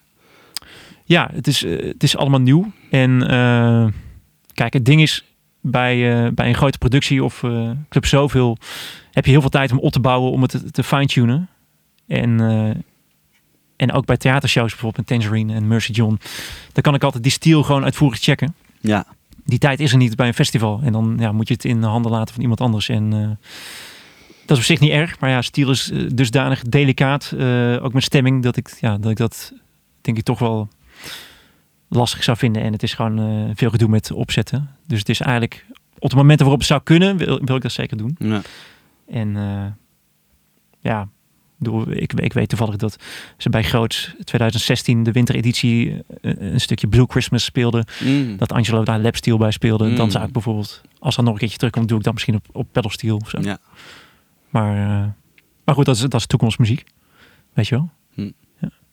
Maar voor nu, ja, het is heel tof. En eh, ja, vooral akoestische gitaar en ook elektrische gitaar en eh banjo en mandoline. Oh ja, ook nog, ja. Ja. vet. Dan dat, wil ik het heel even hebben over, over Stiel. Mhm. En ehm, Lijf de Leeuw, die die had deze Ja. vraag Ja, tof. ingestuurd. Leuk dat Lijf dat heeft gedaan. Ja. Ehm, wanneer ben je je stiel gaan spelen? En eigenlijk, ja, hoe is dat ook in je, in je, je leven ge- gekomen Ja. of zo? Ehm, nou, ik, ik luisterde vroeger ook wel toch al veel naar country ook wel. En eh, dat komt ook wel door Elvis. Want Elvis heeft in de, vooral in de jaren 70 heel veel eh, country songs eh gecoverd. Zeg maar echt klassiekers die, ja, weet je wel, oorspronkelijk van Chris, Chris Christofferson zijn. Of Mm. eh Merle Haggard, weet je wel, soort Mm. dingen. Eh, en daar, ja, als je die originele luistert, daar zit natuurlijk steel in. Maar toen was ik nog nooit echt bezig van, oh, dat is een instrument of zo, of dat kun je spelen. Ja. Ehm, ik weet wel dat ik een keer, eh, dat was 2009, toen fietste ik een keer, moest ik ergens naartoe, eh, van Veldhoven naar een ander dorp. En eh, weet je wel, daar kom ik vandaan. En toen luisterde ik radio op mijn telefoon. Dat, ja, dat deed ik toen nog. En eh, radio 2 of 3 of zo. En er kwam ineens een liedje op met die sound, Steel Sound. Ik dacht van, hé, wat is dat? Dat was de première van een nieuw nummer. En dat was eh The Devil on His Own van The Sheer. Was dat. En nou, jezus. Ja, gewoon een Nederlandse band met dat instrument. En eh toen was het ook nog, ja, ja JP, weet je, wat die dat speelde. Oh ja. En, oh, zo eh, speelt hij stil. Oh, En die ken ik dan weer via The Girls. Want Ja. hij was invalgitarist bij The Girls Ja. voordat ik erbij kwam. Ja. En eh, ja. ja, toen ben ik een keertje live gaan kijken bij, eh, bij de Sheer. En toen zag ik dat. En toen wilde ik dat eigenlijk ook. Dus ik moet hem daar eigenlijk de credits voor geven. ja, ja, ja. En dan kom je erachter dat nog meer mensen dat doen natuurlijk. En eh bijvoorbeeld ja, Maarten van Damme. Ja. Doet het ook heel goed. Ja. Er zijn nu meerdere mensen in Nederland die dat doen of zo. Zeker, ja. Ja. Ja, Het is wel te, te, te gek. te- ja. ja, dit, Ja. want dat instrument, dat, dat is pas iets van de laatste jaren of zo volgens mij, dat dat echt hier, in, nou ja, misschien ook niet. trouwens, ja, het was een hele tijd uit of zo. En, ja, eh, maar, maar, maar- ja, maar misschien is dat het, dat het Ja. weer terugkomt of zo. Ja. En eh, ja, ja, goed, ja. Maar weet je wel, ik, ik gebruik het in periodes. Het gaat in periodes. Dus als ik het nodig heb, dan ga ik het weer Mhm. opfrissen en dan ga ik er heel Mhm. veel op oefenen. Ja. En, eh, want ja, je kan gewoon niet zoveel potjes op het vuur hebben. Je kan niet iedere Nee, dag dit oefenen en dat en zus en zo. Het gaat in, eh, Je, moet soort, eh, Ja. zeg maar, maar, maar alles voor- gewoon gefocust voor hebben. precies. Maar het is een, het is een magistraal instrument. Echt Ja, een geweldig instrument. Ja, leuk. Ja. Hey, ehm, even kijken. Je- Jij hebt ooit, ooit ehm, jouw held James Burton Ja. ontmoet. En, en misschien wel, me- wel vaker dan eens. Toch? Ja, of of niet? ja, ja. Ja. Hoe, hoe, hoe was het om je, ja, je held te ontmoeten? Hoe, hoe is dat? Ja, nou sowieso heb ik meerdere helden hoor. Maar eh, ik kan me Nou, voorstellen dat James Burton de- dat ik die eh, het meest heb eh, genoemd op social media. Ja. Maar ehm, even kijken hoor. Ja, dat was, dat was echt. Het was sowieso geweldig natuurlijk, maar ook eh, lichtelijk bizar, want het was eh, via. Nou, ik, ik speel dus in de eh, band van de fanclub, Nederlandse fanclub van Elvis. En Mm. die hebben natuurlijk nauwe banden met de originele muzici van Elvis, de TCB-band. Die hadden ze naar Nederland en die regelen daar shows mee. En ze hebben ook een clubblad. En op een gegeven moment was het de vraag of ik James Burton kon interviewen voor het clubblad. Dus ja, eigenlijk deed ik me voor als journalist. Ben ik natuurlijk niet, maar eh, ben wel enorm geïnteresseerd in hem. Dus ik kan Mm. wel gericht, gerichte vragen stellen. Ehm, nou, dus, eh, dus ik naar Mol, België. En eh, nou, voor ik het wist zit ik gewoon te lunchen met James Burton. Ze zijn gewoon een omelette eten tegenover mij, Ja. weet je wel. Wauw. En het, ja, goed, ik had een heel, hele vragenlijst voorbereid. En, want hij krijgt natuurlijk overal dezelfde vragen al Ja, jaren. wel, en het ja. gaat allemaal maar tot op zekere hoogte, weet je wel. ja. Maar ik, ben- ik ben echt fan, dus ik had echt hele gerichte vragen die hij niet van de doorsnee eh, journalist Nee. krijgt. Nee. En toen op een gegeven moment had hij ook door. En toen ging hij echt helemaal open, zeg maar. En Ja, eh, leuk. kwam er heel Oh, veel dat toffe info uit. Ja, dat was En eh, ja, ik heb dat opgenomen en helemaal ja, uitgeschreven. En dat is een artikel geworden in het blad. leuk. Maar ook wel heel veel, heel veel van geleerd weer. En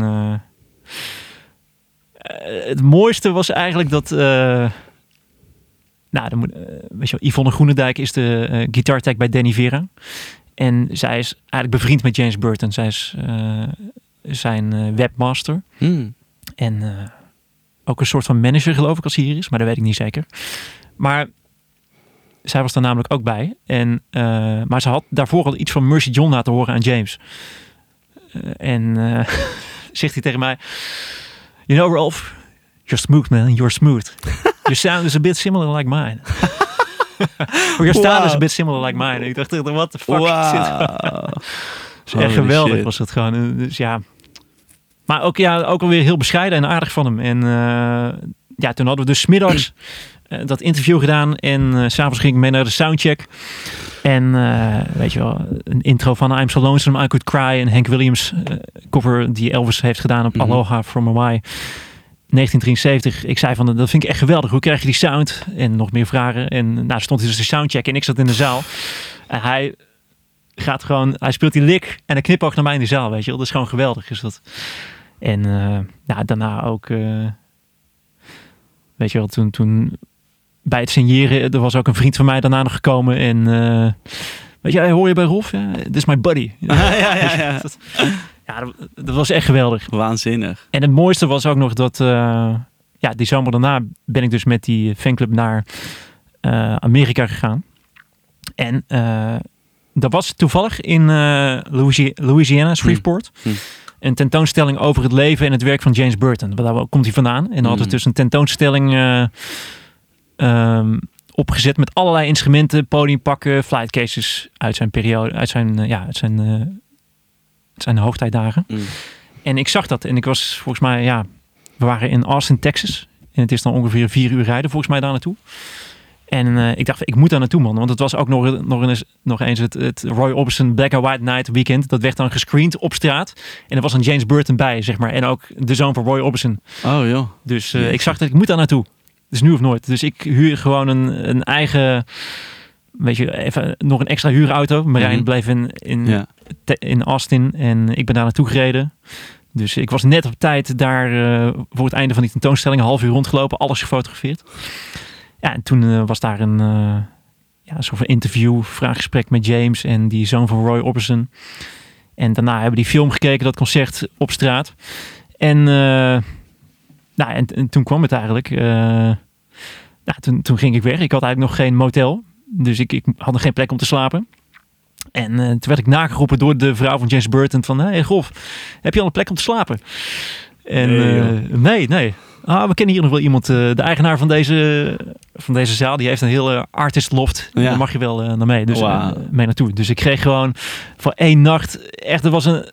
Niet gelogen, was een toren met vijf etages. Heel luxe ingedeeld voor me alleen door James Burton gratis. Dat was echt... eh, Nee, eh, wat waanzinnig. En de volgende dag eh, was ik ook nog eh, bij een soort van gospelmis. Die hij dan, eh, weet je, die draaide eigenlijk om hem. Het was een gospelmis, Mm. maar het draaide eigenlijk om hem. Dan Mm. kon hij dan eerst CC Rider spelen en Mm. in de ghetto. En eh, daarna nog Amazing Grace Mm.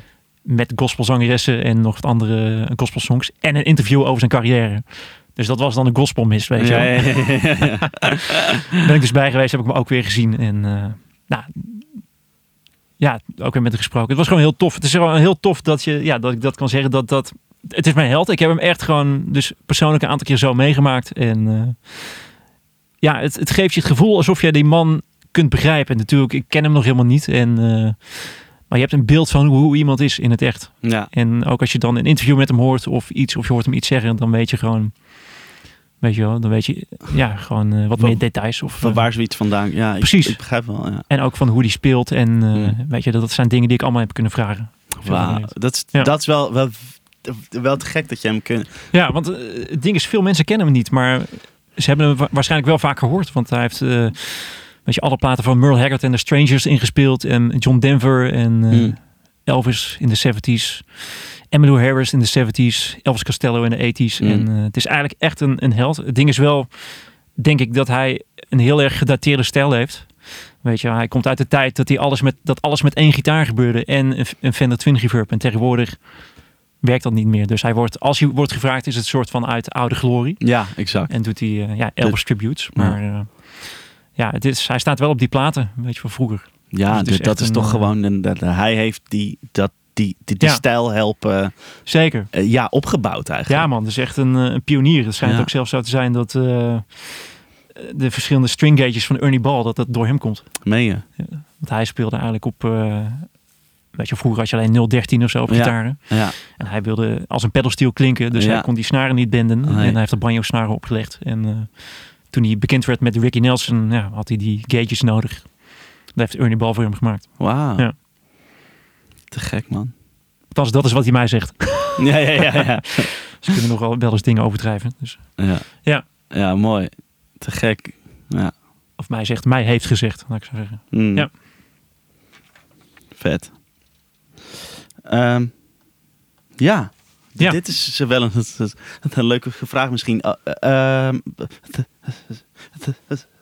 stel nou dat je ehm, gitarist mocht zijn bij, bij, bij welke band dan ook. Of welke artiest dan ook uit de geschiedenis. Wie zou dat zijn? Eh, eigenlijk, eh, eigenlijk geen. Want eh, weet je wel, als ik, als ik gitarist, ik denk niet dat ik dat- zou kunnen. Bijvoorbeeld de mannen waar ik fan van ben, die, ja, die zijn gewoon, weet je wel, dat is een, een klasse op zich. En dan zou ik er ook geen fan van kunnen zijn. Ja, Dus ik- dat, ik, is, dat ik vind vind het ik wel mooi heel tof. antwoord. Dat ik, ja, dat ik zo fan kan zijn van bepaalde gitaristen. Ja. Weet je wel, het is, ik ben, ja, James Burton is een grote invloed van me. Maar bijvoorbeeld ook J.J. Kill ben ik een groot Mm. fan van. En, eh, maar ook bijvoorbeeld Ryan Adams. Weet je, dat is eigenlijk met Mercy John ook de, de verbindende factor eigenlijk Ja. tussen ons. Daar zijn we beide groot fan van. En ik vind hem bijvoorbeeld ook als singer-songwriter. Sommige mensen zeggen van ja, maar hij is eigenlijk geen gitarist. Maar ik vind hem juist wel een gitarist. Omdat alles wat hij speelt raakt mij, weet je. Mhm. Ja, maar dat is ook... Ja. Ja. Dat is waar het om gaat, toch? Ja, zeker als hij zo leert. Of, eh, dan, is, dan is het misschien geen geschoolde solo, maar dan zijn Ja. er drie noten die heel erg wringen, maar de Ja. juiste emotie hebben Ja. en de juiste touch. En eh, Ja. ja, dan, dat raakt mij vaak ook eh, meer dan in muziek. En dat is eigenlijk ook, James Burton speelt ook heel erg J.J. Kill op, op niet geschoolde manieren, zeg maar. En dat is wat ik heel tof vind altijd. Ja. Dat is wel een, een, eh, een mooi antwoord. Dat je met, met niemand zou willen spelen. Omdat je er dan geen fan van zou kunnen zijn. Ja, precies. vind ik wel mooi. Vind ik wel mooi. Wat het, eh, zijn eh, naast de- deze mensen die nou noemt, het dus nog meer echt invloeden geweest voor jou op, op gitaar? Of eh, nou, weet ik veel. Maar gewoon op, op gebied van muziek. Ehm, nou ja, het is, het is allemaal begonnen vroeger van het huis met Elvis. Hm. Maar vrij snel daarna kwamen er ook de Stones bij eigenlijk. Dus ik ben eigenlijk net zo groot Stones-fan als eh, Elvis. Dat zijn dingen die heb ik echt van huis uit meegekregen. Mijn, mijn vader was Elvis-fan en mijn moeder, dat was de Stones vroeger. Waren verder niet hele uitbundige muziekfans, maar eh, dat was wel hun tijd, zeg maar. En dat, eh, ja, dat vonden ze altijd goed. Dus heb ik veel gehoord. Ehm, ja, wat, wat ik al zeg, ik heb tijdens de middelbare schooltijd een, een hele periode aan Guns N' Roses gehad. En Slash vooral ook in zijn solo-projecten. En eh, dat heb ik toen veel uitgezocht en gespeeld. Maar tegelijkertijd heb ik ook altijd heel veel pop geluisterd. En eh, ben ik altijd groot fan geweest van gewoon popliedjes bijvoorbeeld, die dan akoestisch worden gespeeld. En dat, dat vind ik ook heel mooi. Gewoon eh, strummen en eh, Hm. weet je, gewoon een goede song. Dat is eigenlijk ook waar ik heel erg van hou. En ook, ja, Elvis heb ik altijd, ben ik blijven luisteren. En ook heel veel country heb, luister ik toen al. En dus dat, maar ja, als je echt namen wilt horen. Kijk, ik ben ook een groot Tom Petty fan. Ja. Ryan Adams, J.J. Kill, Warren Drugs vind ik heel goed. Ja. Adam Grant van de Warren Drugs Ja. vind ik echt een waanzinnige gitarist. Ja. Ehm, even kijken, jeetje, ik zal er zeker een hoop vergeten. Ehm, ja, kijk, er zijn zoveel artiesten en dingen die ik tof vind, maar eh, Ja. ik denk dat wel, dat wel de grootste invloeden zijn waarbij ik alles van ze wil weten of Ja. wil kennen. Ja, Ja. precies. Ja. Ja. Ja. Kijk, Keith. Keith. Ja, ja, ja. Die, die, hangt hier aan de muur. Ja, vet. hey, en ehm, de, dan k- qua gear. Want laten we even een beetje Ja. naar eh, de gear. Want we hebben hier, je hebt hier heel veel mooie spullen staan. Ehm,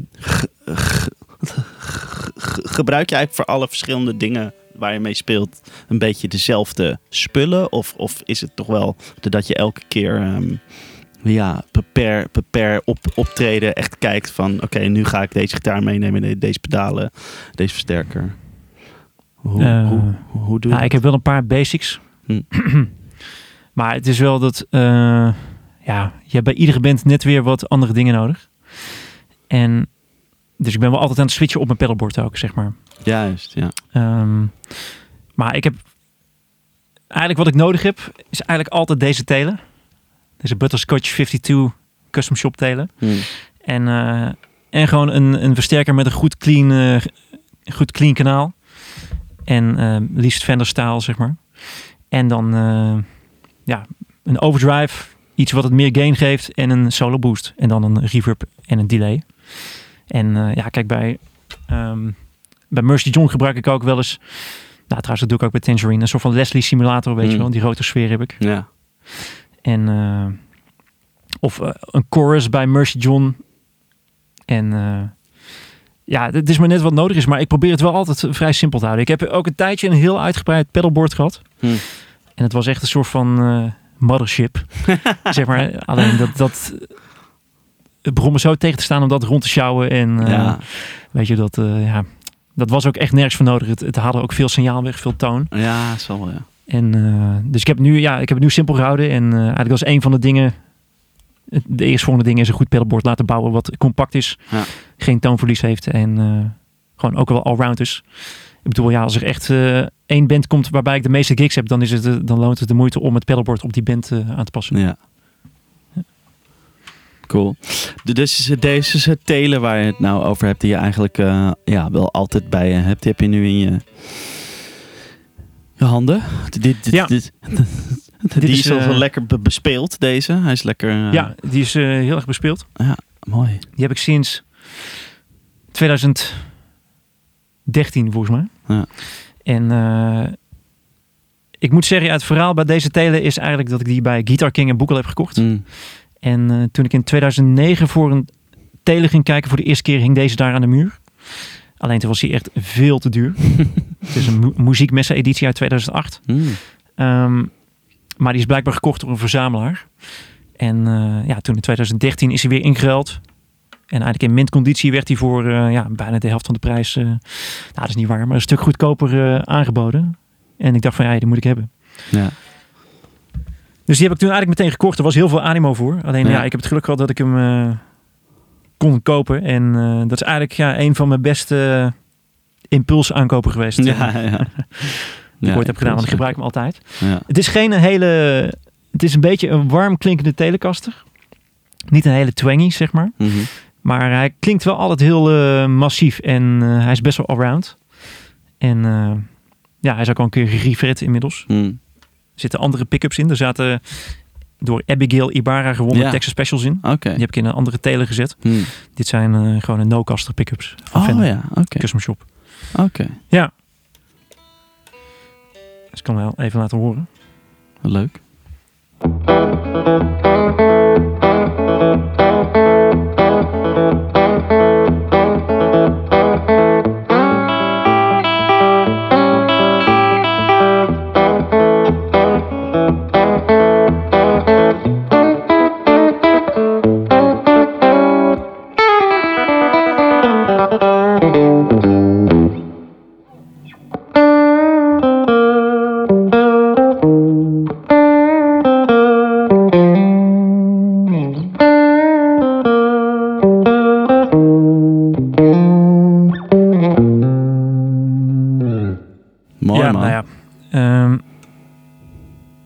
Ja, dit is gewoon eigenlijk mijn eh de gitaar die ik het meest gebruik. Ja, cool. En, eh, Eh, En even kijken, jij, jij hebt dus, dus nooit je, je, je, je knopjes helemaal voluit staan, of wel? nou, wat ik probeer is, ik vind eigenlijk... nou ja, bij mezelf vind ik altijd als het... Weet je, als het echt... Zo fel klinkt, vind ik het... eh, ja, meestal irriteer ik me daaraan. Dus wat ik doe Hmm. is, ik draai die toonknop wat dichter. Hm. Zodat je hem net aan hoort gaan. En dan, ja, dan krijg je een beetje een soort van warmer geluid. En met weinig drive en eh, veel volume kun je dan...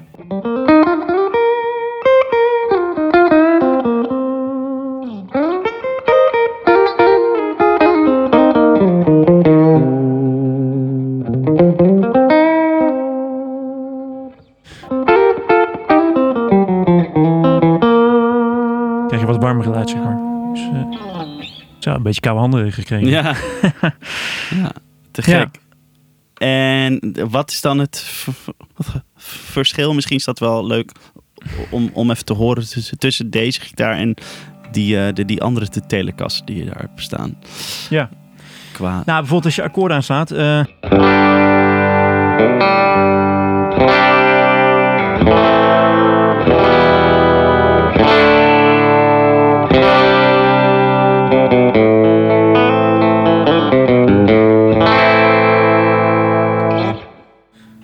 is die andere wat eh, heeft meer presence of zo, meer Mm. twang. Dat is een Mm. oude Taylor uit 72.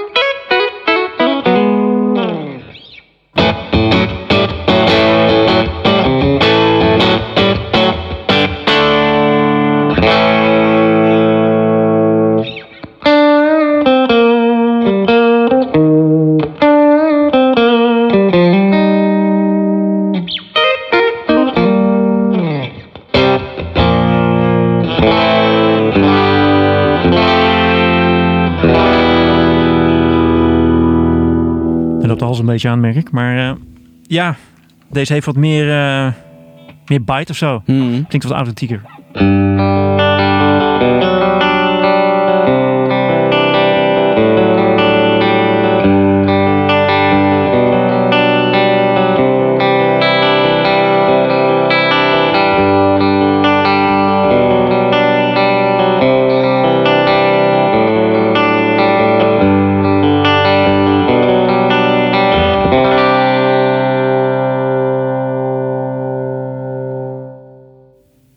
Dus ja, eigenlijk gewoon wat meer... eh, ja, klinkt authentieker. Ja. Als ik, het, eh, als ik hem gebruik in de band en ik hoor de opname terug, dan eh, heb ik toch het idee dat ik meer klink zoals ik wil dat die zou moeten klinken. Op die. Op deze. Oh, ja. Maar ik speel toch liever op die andere. Ah, oké. Omdat daar mijn, ja, op een gegeven moment gaat je spel ook in de gitaar zitten, zeg maar. Ja. Of ja, je, je- spel past zich daarop aan. Ja. En ik voel me altijd het meest veilig op die gitaar. eigenlijk. Ja. Maar deze is zeker te gek ook. Ja. Maar het, het komt zelden voor dat ik deze enkel deze gebruik bij een show. Oh ja? Ja. Dus meestal gewoon als ik een liedje met capo heb of het, of het leent zich ervoor, dan pak ik deze. Juist. Maar eh, meestal is dat gewoon de, de hoofdgitaar. Hm. Even kijken. Dan heb ik ook... eh, eigenlijk speel ik net zo graag ook op eh, deze twee gitaren die ik hier Ja. nog heb.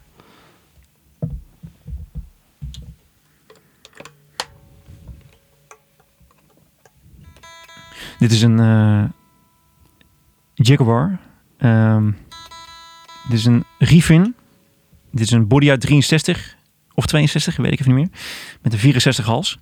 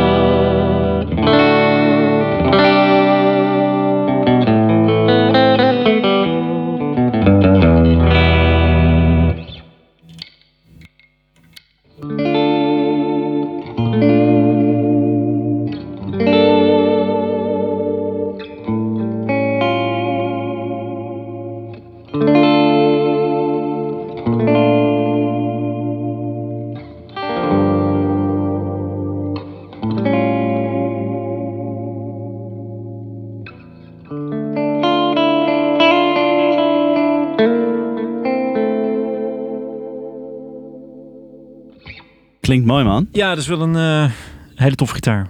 Waar, waar eh, heb je deze? Hoe, hoe, hoe is deze op je pad gekomen? Eh, deze heb ik van Daan van Dijk gekocht. Die, oh, wie is dat ook weer? die werkte bij Guitar King. En Oh, die is nu importeur voor een... Werkt als vertegenwoordiger, volgens mij. Bij een gitaarmerk. Ehm, maar eh, ja, het, hij heeft dit gewoon eh, eigenlijk uit Amerika gehaald. Hij heeft een soort van kanaal waarbij hij eh, dingen die afgedankt zijn of echte players eh, kan verkrijgen, zeg maar. Ja, Ook een te gekke gitaar. echt mooi. Ja. Ik vind eh Jaguar met veel reverb altijd wel heel mooi. Ja.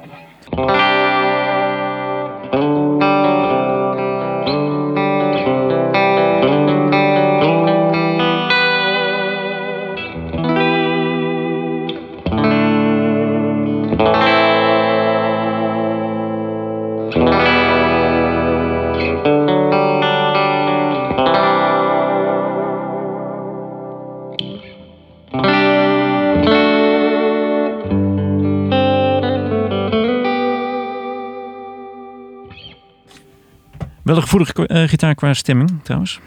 Ja, Dus eh, ja. even kijken. En dan last but not least. Ja. Oeh, netjes. Dat is eh, deze Gretsch.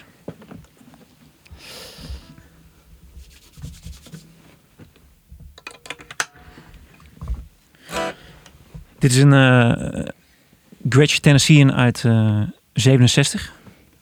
En eh, ja, ik wilde altijd al een Gretsch. Maar ik was een keertje bij eh Arian van Marble Amps. En hij deed wat gitaren weg. En eh, hij gaf me eigenlijk deze in mijn handen. Van, hey, is dat niks voor jou? En eh, nou, ik speelde erop en ik vond het meteen een heel tof gitaar. En ik heb het idee dat hij eigenlijk ook steeds beter gaat klinken. Oh ja? Ja.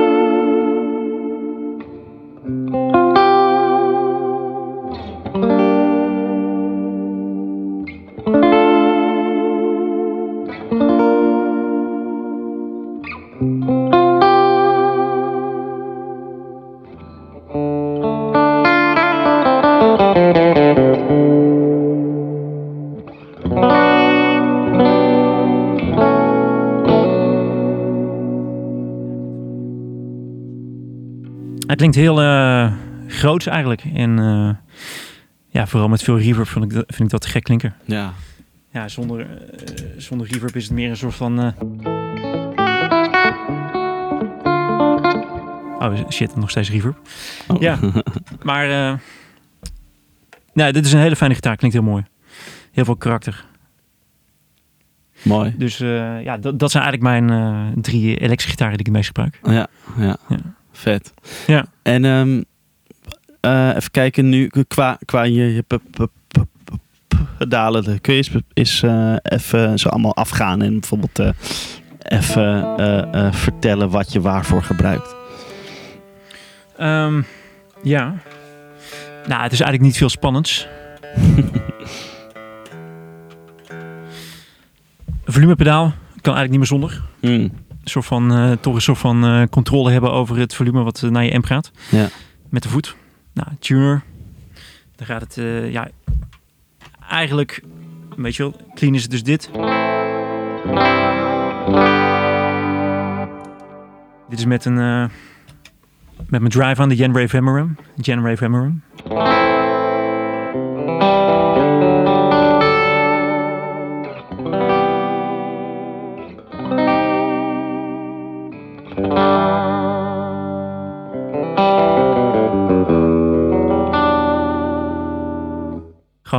Een beetje drive. Ja, die, heeft niet- een heel ja. licht... eh, Heel lichte drive. Ja. het een, eh, ja, er is me ooit verteld dat het een 60s blackface eh, combo moet voorstellen dat over zijn nek gaat, zeg maar, als je hem opendraait. mhm. Maar het is dus een, ja, een Fender-staal pedaal. Dat vind ik heel, heel te gek. Hm.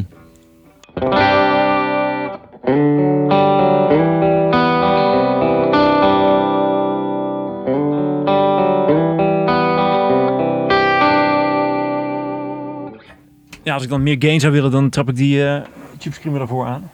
Dus eh,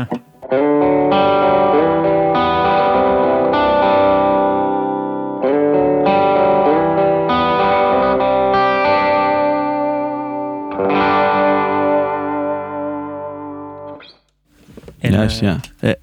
Eh, eh, eh, ehm, eh, en, en waarom heb je dan juist deze Tube Screamer? Die soort handwired versie en, en niet een andere? Heeft deze ik- andere sound of Die zo? heb ik echt al heel lang. Oh ja. Ehm, die heb ik echt al sinds 2010 of zo. Oh ja. En nou, dat, dat was gewoon een keer een handwired editie. En ik heb dat gekocht en ik heb het ge- ge- vergeleken met andere tube screamers. En deze klinkt gewoon net wat voller Oh ja. en iets minder vlak of zo. Mm. Dat werkt voor mij gewoon goed. En Dit klinkt heel mooi. ja. ja, ik ben gewoon altijd tevreden met deze twee pedalen. En eh, ik heb veel andere drive pedalen geprobeerd, maar dit werkt altijd voor mij. Ja. En eh, een solo boost is dan meestal gewoon, weet je wel, RC boost. En eh, als ik veel overdrive zou willen, ik zet wel even wat reverb aan trouwens. Ehm, dan gebruik ik deze Royal Overdrive Van, van, Van- van, van- Wilde. van Wilde. Van, inderdaad. van Wilde, Ja, ja. precies. En eh,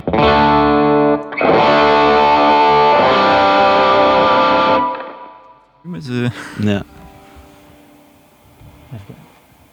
Wat wel nice. iets minder gain.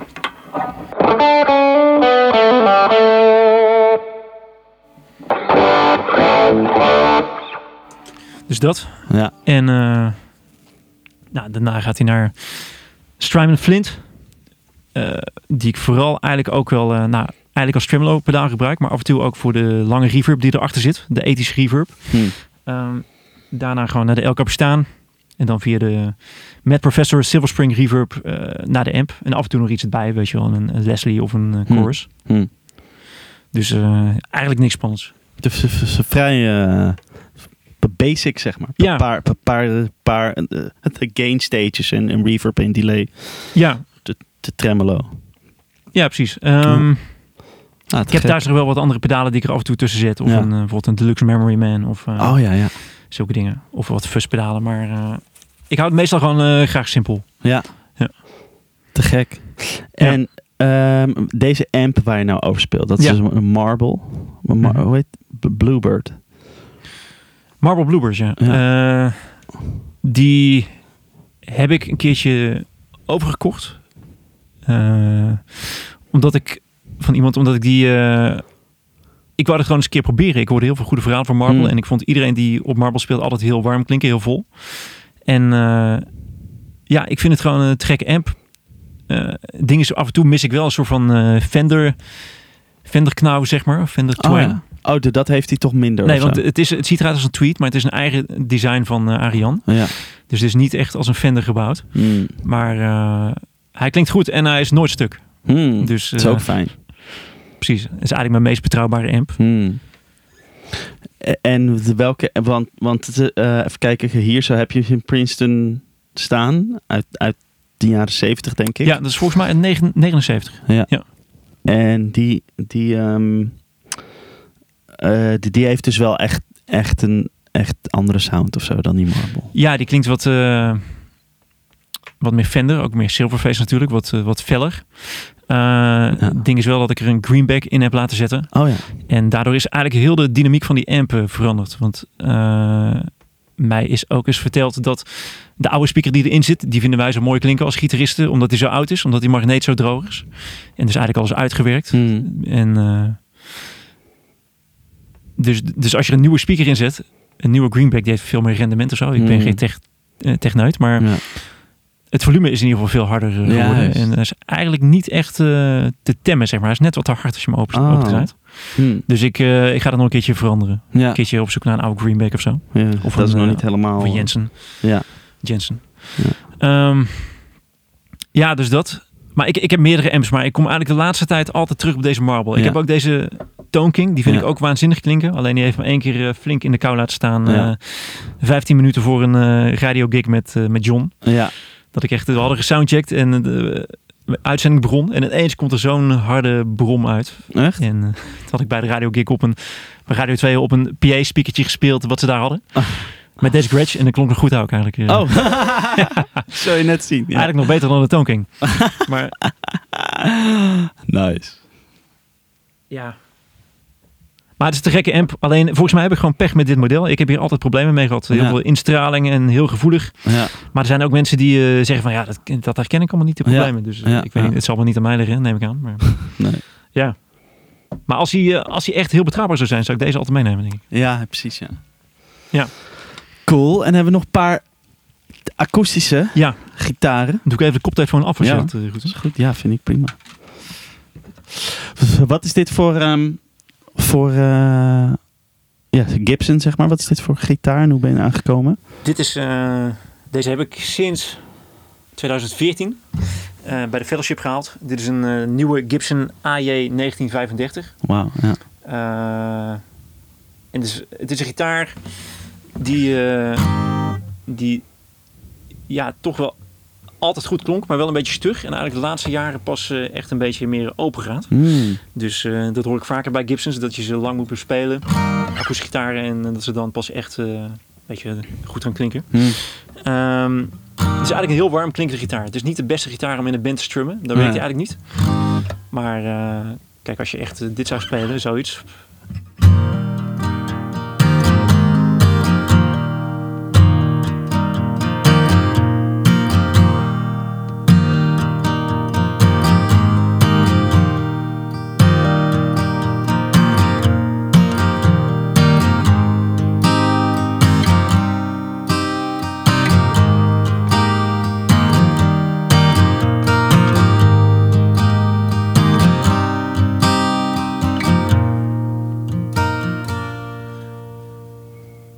Weet je wel, zachte dingen.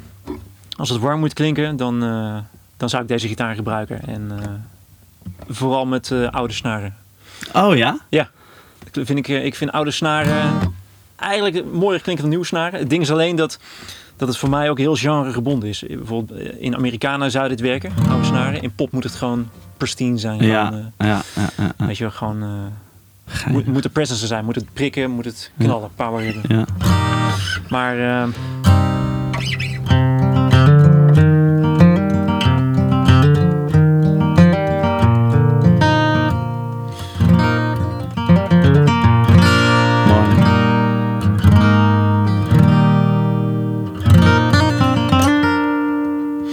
eigenlijk gewoon een hele zacht klinkende gitaar. Heel mooi. Ja, dus dat is deze. Ja. Ehm, dit is een eh, J200. Die heb ik eh, eigenlijk ja, voor Guus eh, kunnen aanschaffen. Ehm, nou ja, weet je.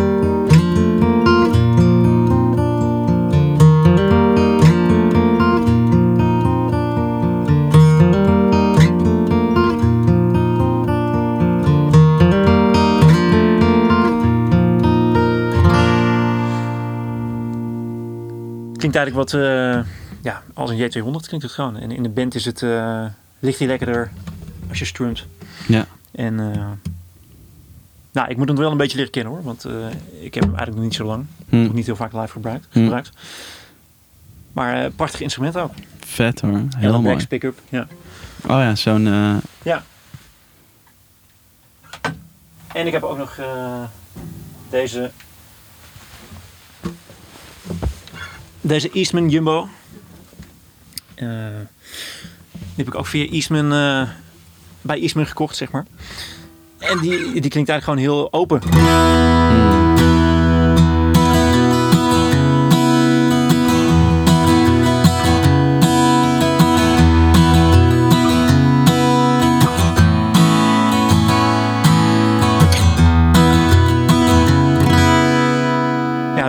Een hele eh, open, transparante en eh, gitaar met veel hoog eigenlijk.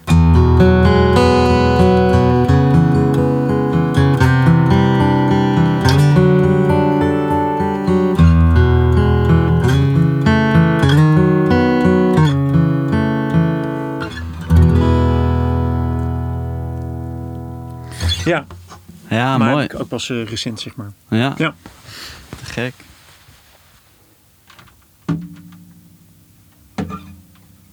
Ja, die, die, die, die, die, die- die Gibson klinkt dan, dan toch echt als een Gibson. Hè? Ik bedoel, ik bedoel dan die J2, de 200. Want het zijn een soort van, nou ja, een soort gelijke gitaren of zo. Ja, Qua bodyformaat of zo. Ja. De, de rest weet ik niet wat er, of, of het heel erg op, op elkaar lijkt of zo. Maar dat, zo lijkt het op het eerste ja precies. Ja, er, er is toch iets in die bouwwijze van, eh, van Gibson wat het dan Gibson maakt. Ik, Ja. ik vraag me dat ook altijd Ja. af. Waarom klinkt een, een Telecaster van een andere bouwer niet als een Fender? Wat is dat? Ja. Ik snap het niet. Maar Ja, dat is heel apart, hè? ik denk dat de bouwers het zelf ook niet weten. Nee, nee, dat is gewoon een soort, soort magic. Precies, familiegeheim of zo. Ja. En dan eh, deze 12 string van Guild. Volgens mij is het een 512. Ehm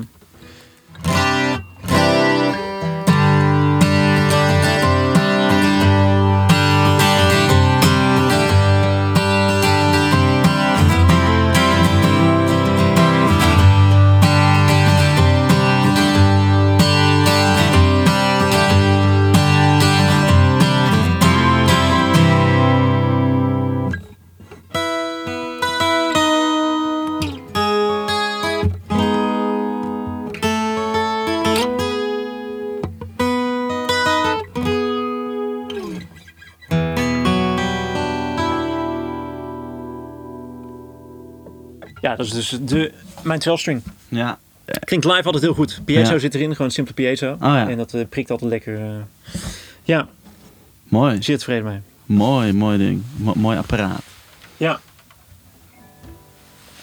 Ja, dat Ja, is eigenlijk man. alles wat ik had meegenomen. Ja, ja, precies. Als je het thuis hebt, heb je nog wel meer, hè? Ja, doe die maar weer even. Ja, ik heb eh, thuis nog wel meer. Ja. Eh, maar ja, weet je wel, ik, heb ook, eh, ik vind het ook leuk om te verzamelen, moet ik toegeven. Ja. Ik ben wel een beetje een verzamelaar.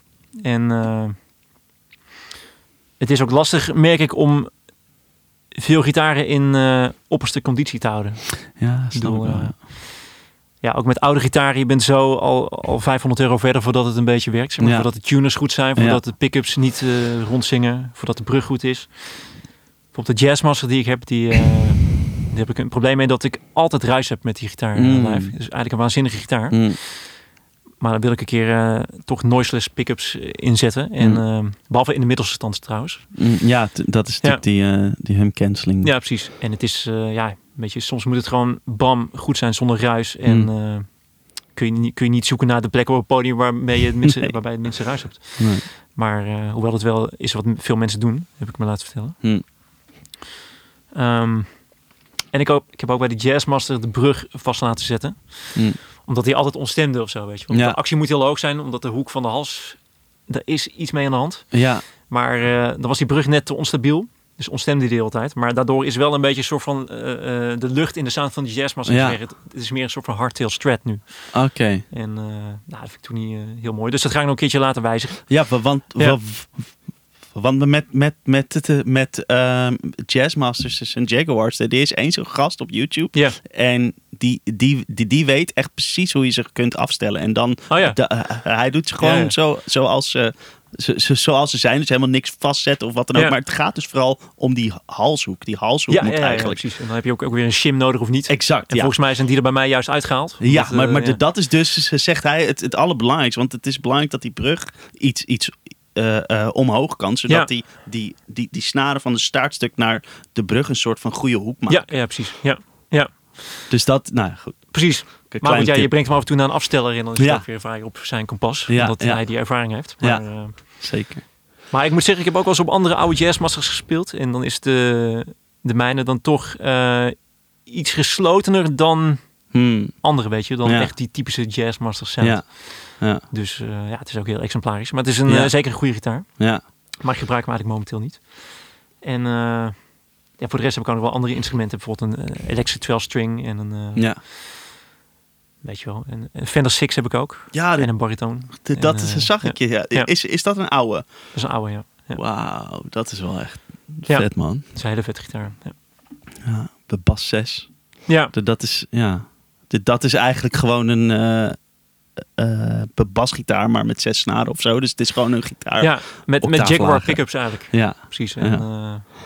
ja, weet je wel, in de, in de clip van Let It Be volgens mij zit hij in. Speelt Ja, George Harrison erop. ja, En, eh, ja.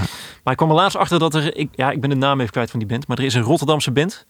Die, waren, die hebben één hit gehad of zo. Die waren in de 70s eh, heel erg bekend. Die zijn Hmm. ooit bij Live at Lloyd geweest. Er Hmm. staat een filmpje op YouTube. kwam ik Hmm. laatst op toevallig toen ik op Basics eh, zocht.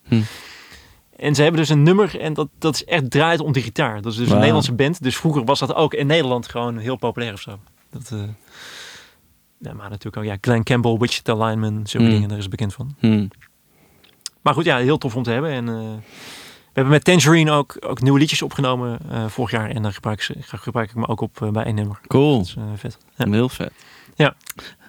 Hey, eh, eh, ehm, stel nou dat je je één gitaar en één pedaal en één versterker zou moeten uitkiezen voor Mhm. gewoon wat, welke zou dat dan zijn? Nou, als ik één versterker moet uitkiezen, Ja. dan is eh, een, een Fender Deluxe Reverb gewoon eigenlijk liefst Silverface. Ja. Liefst Blackface, maar. Silverface zou wel heel tof zijn. Mhm. Ehm, dat is wel de, de, mijn favoriete amp die ik nog niet heb. Zeg maar. Mm. Ik moet zeggen, Sander van eh Tangerine heeft er eentje. Een hele mooie. Uit de 70s. Een Deluxe Reverb. Heb ik een keer een jaar lang wel geleend. Mm. En eh, er zit een Weber speaker in. Ja. Helemaal opgeknapt. En eh, dat ding klinkt waanzinnig. Ja. Ik heb daar wel eens opnames van teruggehoord. En dan, dan klink ik... Dan kom ik met een Telecaster. Weet je, dat is de gitaar die ik dan zou meenemen. Ja. Of die Gretsch trouwens. Dat is ook wel heel Oké. tof. Maar Telecaster is toch... Weet je, op die Gretsch moet je eigenlijk eh, heel subtiel spelen. Die Telecaster is gewoon eigenlijk een eh, gitaar waarop je wat minder voorzichtig kan zijn. zeg Ja. maar. Ja. Ja. Dit- Dat is gewoon echt... Door de eh, brug en ja. het is gewoon... eh, het is gewoon een bel. Ja, ja. ja, ja. En, Letterlijk, ja. Maar dan ja, die telen met een, met een deluxe reverb. En in die deluxe reverb zit al een reverb en tremolo. Ja. Dus welk pedaal? Ja, poeh. Ehm, ja, jeetje. Ja, dan eh, mijn drive pedaal denk ik die Vemmerum. Ja, Maar, ja eh, precies. Ja. Dat je hem nog even kan, eh, kan laten Of scheuren. misschien die RC booster. Dat is, Oh ja? En waarom dan de een of de ander? Nou, omdat ik toch niet heel vaak met heel veel oversturing speel. Nee, en ja. ja, ik vind het vettig om gewoon een mooie toon uit, uit de juiste gitaar te halen. Dan met een beetje reverb en dan af en toe een klein randje door een booster erbij. Of, of gewoon de amp hard zetten, weet je wel. Ja, Ja, vet. dus dat. Cool, man. Nou, eh, ik denk dat we het eh, wel een beetje hebben zo. Ja, Dat- toch? Ja, dan Ja. doen we nog even die zo. Maar eh, ja, dus dank je wel, man. Jij bedankt, man. Voor je tijd. Ik vond het echt leuk. Heel leuk. En eh, het is heel leuk om, om, om allemaal te horen wat je, dat, wat je allemaal doet en hoe je het doet. En, ja, het bijzonder om er eens een keer eh, over te spreken, zeg maar. Meestal speelt het zich in je hoofd af. Ja, eh, precies, inderdaad. Ja, ja. Mooi. Ja. Oké, thanks man. Top man. Yes.